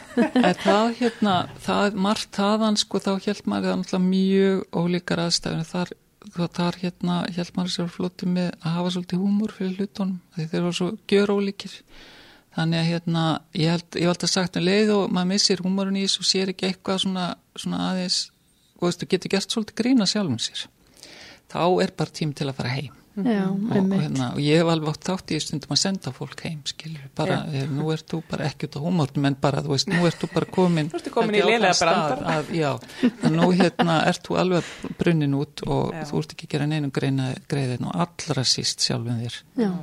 og hérna hefur oft, eða oft nokkur sem lengt í því að senda fólk bara aðeins í mm. annarkort bara alveg heimið í pási eða eitthvað slíkt Hefur þú ekkert verið sendið kælingar? Ég hef ekki verið sendið kælingu en ég fekk nú þarna 2003 að þá hérna var ég nú þarna, já, hafa svolítið mikið að gera og maður alltaf alveg Í Súdan þá að þarna er 2003 stútonna þegar var nýljósmaður og alveg þá, þá fikk ég brjósklós þarna út í mörginni og þá var ég nú sendt heim. En það, það hérna það var Það var ekki út á húmor það var ekkert humor og svo fikk ég svo rosalega góðan sjúkraþjálfur einn heima það var þetta að senda mig út aftur þetta mánu þannig en sko bara og komanda því, maður er náttúrulega hugsun sjálfan sig. Ég, það, það er svo rosalega mikilvægt að maður hugja eigin líðan og hérna og þeir ofta er ég skömmið út af því að þegar maður er svona heilbriðstasmaði þá fær maður ofta alltaf hína þú veist sem eru í alls konar störfum og, og hérna kom ofta og tala við mann og segja mann alls konar hluti sem eðlilegt er og, og ég segi oft svona við eitthvað sem að ég finn að það er ekki að sinna sér að það er náttúrulega kannski ungir krakkar eru bara í botleysri vinnu drekka, þú veist, hugsa ekkert og eitthvað svona og þá segi ég oft svona þú verður að hugsa um sjálfa en það er engin annar sem gerir það og ég oft fengi rosalega hörð viðbrá og sagt svona ætlar þú ekki að hugsa um mig? Og ég segi jú, jú, en til þú byrjar á sjálfum þér og þetta er svo rosalega mikið ökt aðtrið að maður hugi að sjálfum sér sko. Þannig að ég hérna ég reyni alltaf að fá ykkur stund fyrir sjálf mig ykkur tíman að deginum til þess að vera bara með sjálfum mér. Eða oftast bara kvöldin áður maður frá að sofa eitthvað, maður fá eitthvað svona sem maður getur bara verið í eigin heimi, verið ekki með alltaf miljómanns í kringu sig eða verið eiga við eitthvað. Reyna að sofa getur nú gengið hérna allavega en, en sem sagt að maður finni hver manns takmörg er. Mm. að því að það annars eigðist maður mjög held ég fljótt upp í þessu. Og hver er, þú búin að nefna drikkjuna sem kannski svona óheilbritt bergráð svona til að halda þessu flótið þarna, er eitthvað, þú veist, varst að halda dagbækur eða varst að bara lesa eða dreifa bara einhvern veginn, var eitthvað svona sérstuð sem þú nýtið þér til að halda þér svona? Já, sko, það er sem er nú svolítið skemmtilegt að segja frá sem er nú svona lengi, þegar ég fyrir út í fyrsta skipti þá netið ekki komið, hvernig haldið að það hafi verið? Bara alveg betra, nei, ég veit ekki. Þannig að það voru skrifið sendibrif Líka einn í tjaldi í sútan að skróla Instagram ég veit ekki alveg hvernig nei, það fyrir með sáluna Nei, þetta er svo geggja að vera laus við þetta þið trúið ekki. Hérna, það voru skrifið sendibrif og þá voru það þannig að við gáttum ekki póstlagt í Afganistan þannig að við sendum þau til Pakistan og þaðan voru þau sendt þannig að fjölskylda mín fekk sko tökja mánu að fresti eitthvað svona líf frá mér og svo kom fyrir að ég fór til Pakistan og ringdi kannski En þá hérna, þá voru sendt sendibrif og þá skrifa maður dagbók, það er nefnilega svo merkilegt. Ég ásens dagbækur frá því gamla dag, svo þegar tækninni fyrir að flega svona fram og maður getur fara að ringja alltaf og vera á messenger og allt þetta, þá dettur dagbókin út. Mm. Svona er það nú ekki nógu gott. Þannig að það er svolítið langt síðan ég hef skrifað dagbók, en ég reyni að skrifa kannski heim svona bref og senda. Og og hérna, ég sá nú hérna þegar ég var að ganga frá eftir að pappi dó sko, þá fann ég öll brefið frá Afganistan og það, það var bara mjög gaman að lesa þetta. Vá, wow, það þarf að byrsta þetta einhver tíma bara sem einhver svona heimildir. Þetta er svo merkilegt. Útskýringarna alveg fáranlega fyndnar á öllu og hérna, ég mitt í Norðurkóru sendi ég mikið að brefum, það var líka mjög fyndið að lesa það. En þarna, þannig að núna í dag er maður bara svolítið þarna líka á sem messenger allt rætt oftast, oftast er þetta bara þannig að því að þó maður sé ykkur starf algjörlega út í rassi, mm -hmm. þá er bara, er netið. -hmm. Og þetta er svo merkilegt. Og fólkið úti í þessum stöðum, það er komið síma, mm -hmm. það er allir komið með síma. Þannig að hérna að þetta hefur breyst rosalega mikið. Og því miður það hefur mitt verið svo gama bara geta aðeins verið að þá var maður svo inn í skiljur þannig að mm -hmm. ég veit ekki hvort það átti ykkur alveg á þegar maður er svona mikið samskiptum alltaf. Og ég, ég segi ykkur eins ég er ekki dögleg sko. Og ég er mjög liðlega að taka myndir til dæmis. Mm en, en hérna, heimin og haf millir þess sem var og fólk getur bara verið stanslust á Whatsapp og allt þetta. Það er, svo, það er orðið svo lítið kleimin að því lítið til. Mm -hmm. Það getur kannski orðið svona tröflandi miklu kontrastar þú veist þegar þú ert í einhverjum veruleika í hérna, Afganistan eða eitthvað og svo ertu kannski inn í einhverjum svona hópspjalli á Messenger bara með vinkonunum og Íslandi sem eru bara að fara í happy hour eða eitthvað svona það er örgulega erfitt að vera alltaf með annan fótinn þar líka. Mm maður lítur að þurfa kannski kúpla sig aldrei út úr já, einu umhverfi. Já, að, þú veist, maður lítur líka að þurfa kannski að fá að vera bara svolítið í þessari veröld á meðan maður er þar þó að það sé gott að þetta veri í góðum tengslum við aðstandendur. Já, og svo líka til dæmis ég mann því að ég var í Írak, þá hefði ég farið í fangelsi, ég var eitt af luturökinu að fara í fangelsi svona hugað heilsu uh, fangana og þá var þar hérna mann ekki hvort hann var leknir að hjúkunarfræðingur eitthvað og hann sá nafnum mitt og hann leitaði svo á mér á Facebook og vildi vera vinnu minn en ég menna, þú veist, það er pink óþöld því að maður vill ekkert Nei, einmitt. en þú veist, það sagði mann líka ok, það, það geta allir fundi mann Algjörlega. Þannig að þú ert ekki með íraskan, íraskan fangavörð á hérna í vinalistanum. Nei, ekki þannan Sko, mér langar svo að gera eitt af því þú ert búin að nefna hérna þess að nokkru staði, mér langar pínu fyrir eh, hlustendur að lesa upp staðina sem þú hefur verið á, er það í lagi? Já, já, En það er sko 14 ára gammal listi og ég Já. held að vanti heilmikið. Það vantar heilmikið, þannig að þú fyllir kannski bara upp í þegar ég er búin að lesa það sem við vitum mm. en það er hérna 94 fyrsta ferðin sem er Afganistan næsta er síðan Bosnia-Herzegovina Tanzania, Norður-Kórea Sútan, Íran Indonesia Mósambík já þarna sko 2008 til 10 þá var ég á hérna, var ég bjói í Malawi og var ég í starfi beint fyrir Íslenska Rauðakrossin sem var það við tvíliðaverkefni við semst Malawi, Suður Afriku og Mósambík Ok, Og þá varst í Malawi alveg óslitið í tvö ár eða hvað? Ég kom heim sko komst- en ég, var, ég bjói í Malawi í tvö ár Já, ok. og var með þessi þrjúlönd og var að svona teknilegur ákjafi fyrir heilbríðsverkefni þar. Já. Svo klára ég það 2010 og svo fer ég 2011 til Írak og uh, ég fór til Uganda, ég fór til hérna Írans, ég hef farið fjórusunum til Írans, þá, þá þrjú skipt. Fyrstu að því að var að orðið jarskjáltiðar 2003 og svo þrísar til þess að fylgja eftir verkefni sem við vorum með þar. Svo fór ég til hérna Bangladesh, síðan var ég í Úkrænu, í hérna Donetsk, í þar og síðan hef ég farið til Papua Nýju Kínu sem var gífulega áhugavert verkefni. Það var svona að leggja drauga verkefni þar og svo fór ég til, mér finnst alveg ég að gleyma ykkur, svo var það þarna Sýrland Það hlýtur að vera, þetta er svo lítið. Uh, já Já, ég, það er eitthvað þarna sem að eitthvað. ég get ekki, það er eitthvað sem ég man ekki en er, jú, Líbería fór ég Já, það er eitthvað meira þarna. Við erum hérna með höguna í gólfinu yfir þessu. Er eitthvað sem að, þú veist, ég veit ekki hvort það er rétt orðað að standi upp úr, en þú veist hvað ég meina, er eitthvað sem að hafiði meiri áhrif á þig einhver af þessum ferðum, hérna, meira en ön, önnur?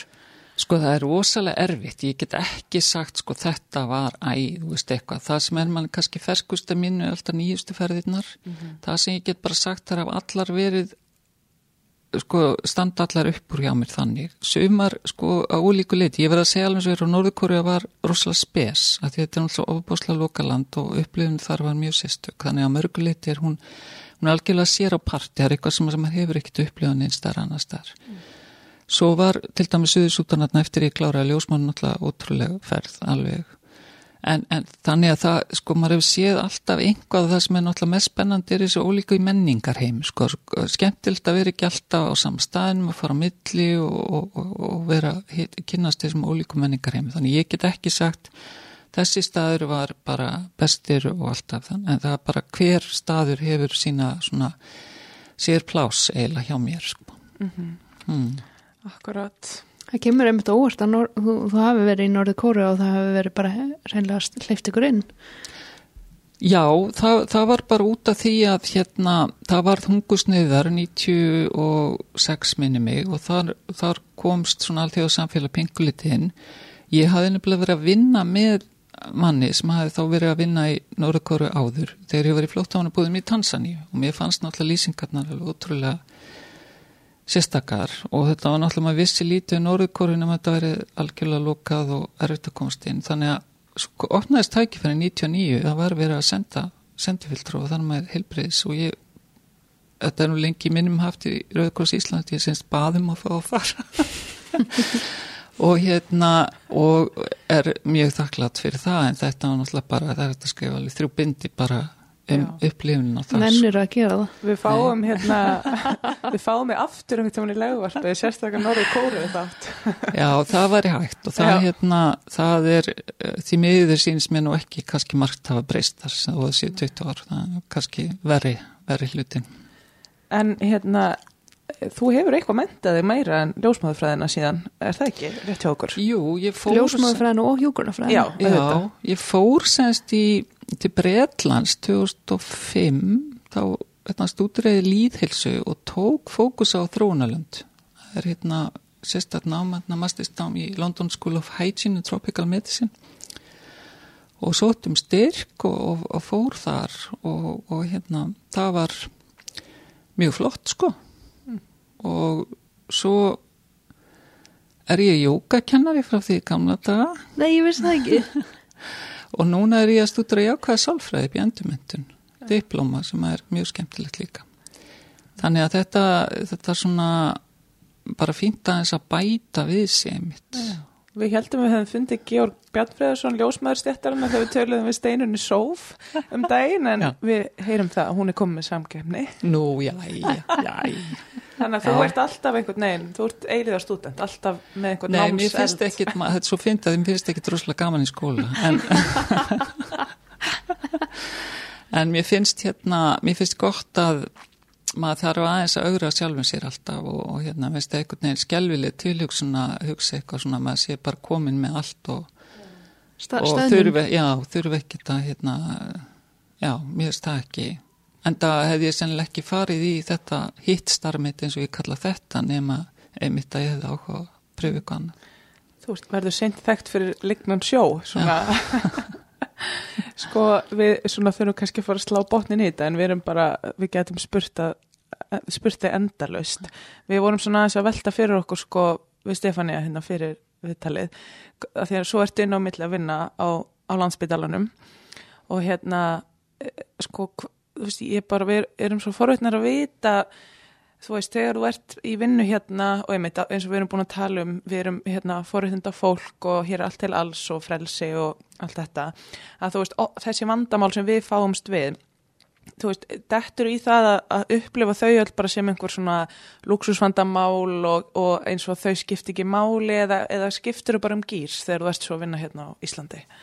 Ég held ég skipti svolítið um gýr, Já. ég held ég geri það. Ég hérna, ég svona kannski stundum þá finnum maður þetta alveg, veist, og þá er ég kannski ekki að tala um konurna sjálfar meira kannski...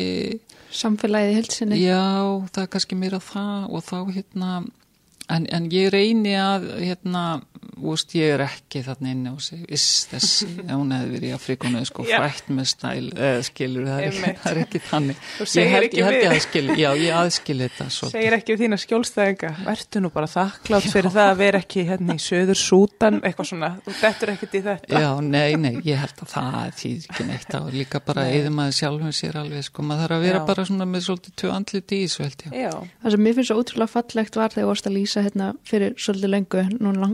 svo að langt.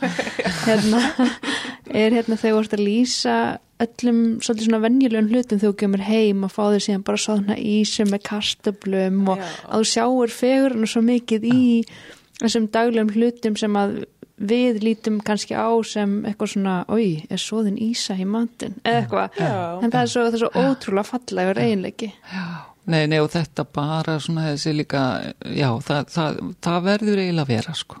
En það er líka hluta því að maður verður eiginlega heimili sko, þess að ég segi þú veist ég verði eitthvað stað sem ég kem heima já. að því að það er mikið vekt þú veist að maður eigi alltaf sinn sama stað hér og finnir sína rætur. Og hérna og, og átti sig, ég held að það sé bara svo, veist, þetta er klísja en þakklætti bara skiptir miklu máli, mm -hmm. ég held að það hérna og það bara líka bara er svo mikið vekt að maður átti sig á þessum hlutar sko, algjörlega.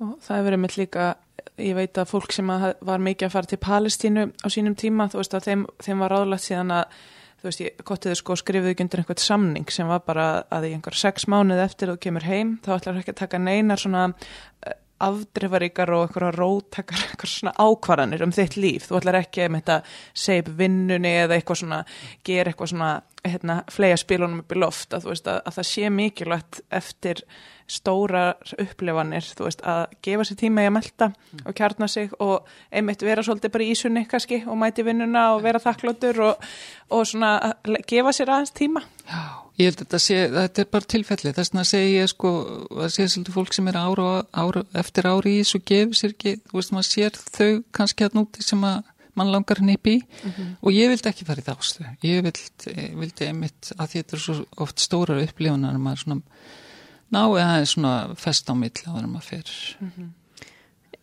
Er eitthvað sem þú hefði viljað breytt? Þú horfður svona tilbaka núna þú ert búin að vera í þessu í hvaða 20, 25 ár? Nei, ég get ekki sagt það. Mér finnst allir staðirni sem hafa verið á að öll verkefnin auðvitað sko miserfið og allt það en, en öll hérna þetta verið allt verið flott og ég, þá var rosalega góð ákverðun að fara í ljósmóðufræði til dæmis á sín tíma því að þetta hefur líka veit mér allt annara insýn inn í sko, þú veist, þennan þátt og það er svo gaman að hafa þess að sérþekkingu sko ég alveg þurfti stundum að berjast fyrir að byggja fæðingadeilda því að það var bara einhver verkfræðingur, 25 ára svislendingur sem að segja það þarf ekki. Mm -hmm. og þá er svo ógeðslega gaman að geta sagt það þarf, ég skal A, B, C, D. Þú veist, að ég veit það þarf. Þannig að það var mjög góð það var mjög gott og ég er svona séð þetta oft í, í hérna öðru ljósi síðan þá sko, myndi segja það eru fengið mér mér dýft í hlutina eftir að ég gæti svona haft svona góða þekkingu í því. Að því það er náttúrulega hérna skiptir bara miklu máli að vita eitthvað hvað maður er að tala um held ég. Ha. Algjörlega. Algjörlega, myndiru hérna ráðleika einhverjum eh, ljósmaðurum í yngri kantinum eins og kannski til dæmis okkur að hérna að kíla á eitthvað svona? Já, ég held þetta sko, það er alveg tækifærin að núti mm. Það er bara, maður verður þá að vera að vita það að maður er að fara úr einhverju öryggi í óvissu það er það sem að hérna, sko þegar ég kláraði ljósmannunum 2002 þá fór ég að vinna út á landi eins og sagt er að því að hérna ég var eiginlega að fara á einhvern stað sem ég vissi að ég fengi smá sjálfstæði störfum, þá er ég minna bara að ég að, svona, já, eins og við vitið, kannski ekki fara alveg inn í öryggið á stóru sjúkrahúsi að því ég hef aldrei sett í fóstur rít erlendis það hefur hverki verið til sko, það sem ég hef verið auðvitað verið að hlusta á allt það. Mm. en þá hérna, þá er maður, maður tilbúin svolítið að, að maður sé takja mútið því sem kemur og, og hérna og þetta verður augrun en þetta er náttúrulega sko, það er svo margt samt sem við höfum fram að færa. Þú, þú veist, það er svo margt sem við getum bóðið mm -hmm konum upp á þessum aðstöðu og er svo mikið vakt um þetta ekki bara konurnar heldur bara innlendar ljósmæður þú veist á þessum stöðum stiðja þá og hjálpa þeim að byggja upp verkefnin og þannig að það eiga náttúrulega að vera miklu miklu fleiri ljósmæður hérðan og svo góð mentun að vera núti þannig að ég skal bara mæla með ykkur Er þú eina ljósmæðurinn hérna í Íslandi? Nei, sko það hafa verið hérna hjá Rauðokursinni hefur hún Björg Páls verið, hún svolítið langt síðan hún hætti mm -hmm. Þetta, hérna, við erum búin að hún var svona svolítið að hætta þegar ég var að byrja eiginlega. Hérna, ég man ekki eftir sko neitni sem hefur verið einhvað að ráði úti sko, getur verið eitthvað sem hefur verið svona einu og einu ferð en, en við höfum ekki, við erum mér sterk með hjúkunarfrænga, mjög mikið mm -hmm. hjúkunarfrængum farið. En, þarna, en minna með ljósmaður sem að vera. Og svo hefur mér fundist að fæðingaleknarnir mættu líka en það er mjög lítið, það er ekkit Þetta er að fór ofinbæra áskorun. Já, Já. Hérna ertu, nú veit ég það svolítið síðan þú fóst síðast, það er náttúrulega búið að vera COVID og allt þetta, er, er fyrringurinn hérna farin á flug? Já, sko þau eru byrjuð að ringja sem sagt, þegar maður er búin svona lengi þá er þetta nátt genfs bara genf sem að auðvistöðna sem ringi mann og, og hérna. Þetta er búið rosalega erfitt í COVID þannig ég tók bara strax ákverðin að slíka að tveimur ástæðum það var erfitt kannski að fá frí hérna heima eða svona kannski ekkert vel sé að fara einmitt í þessum faraldri að fara, fara í launalust leifi og svo var mjög óljós hvernig staðan væri úti við það og það er nú kannski svona farið að eitthvað. Þannig að ég er ekkert búin að gefa neitt kosta á mér fyrir fyrsta leið kannski já ég veit ekki haust næsta árið eitthvað. Ég, allavega, er, ég hef ekki verið lengi heima svona lengi heima. Aldrei líka við nema þegar ég fór í ljósmáðurfræðina Þess vegna ertu komin í ákvæði sálfræði og þetta Ymmi til að halda mér á floti sko. Já. Um, Ég held að við verðum, getum bara sagt að þetta er bara svo ótrúlegt að heyra allar þessar sögur. Þetta er svo inspirerandi allt saman og þú ert enginn smá fyrirmynd. Eða bara toppmagnast að mannski sem ég veit það verður að segjast. Gaman að koma, segja frá, er alltaf gaman að segja frá. Er eitthvað sem þú myndi vilja bæta við?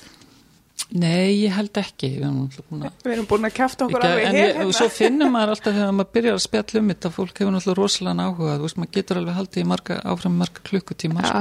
Við getum alveg verið hérna bara fram í næstu viku sko. þetta var mjög skemmtilegt Er það ekki bara? Við bara þökkum kærlega fyrir að gefa þér tími að koma og hérna deila þessum sögum með okkur. Já, takk hérlega fyrir Hófi Svo heyrum við bara í þér með meðmælinn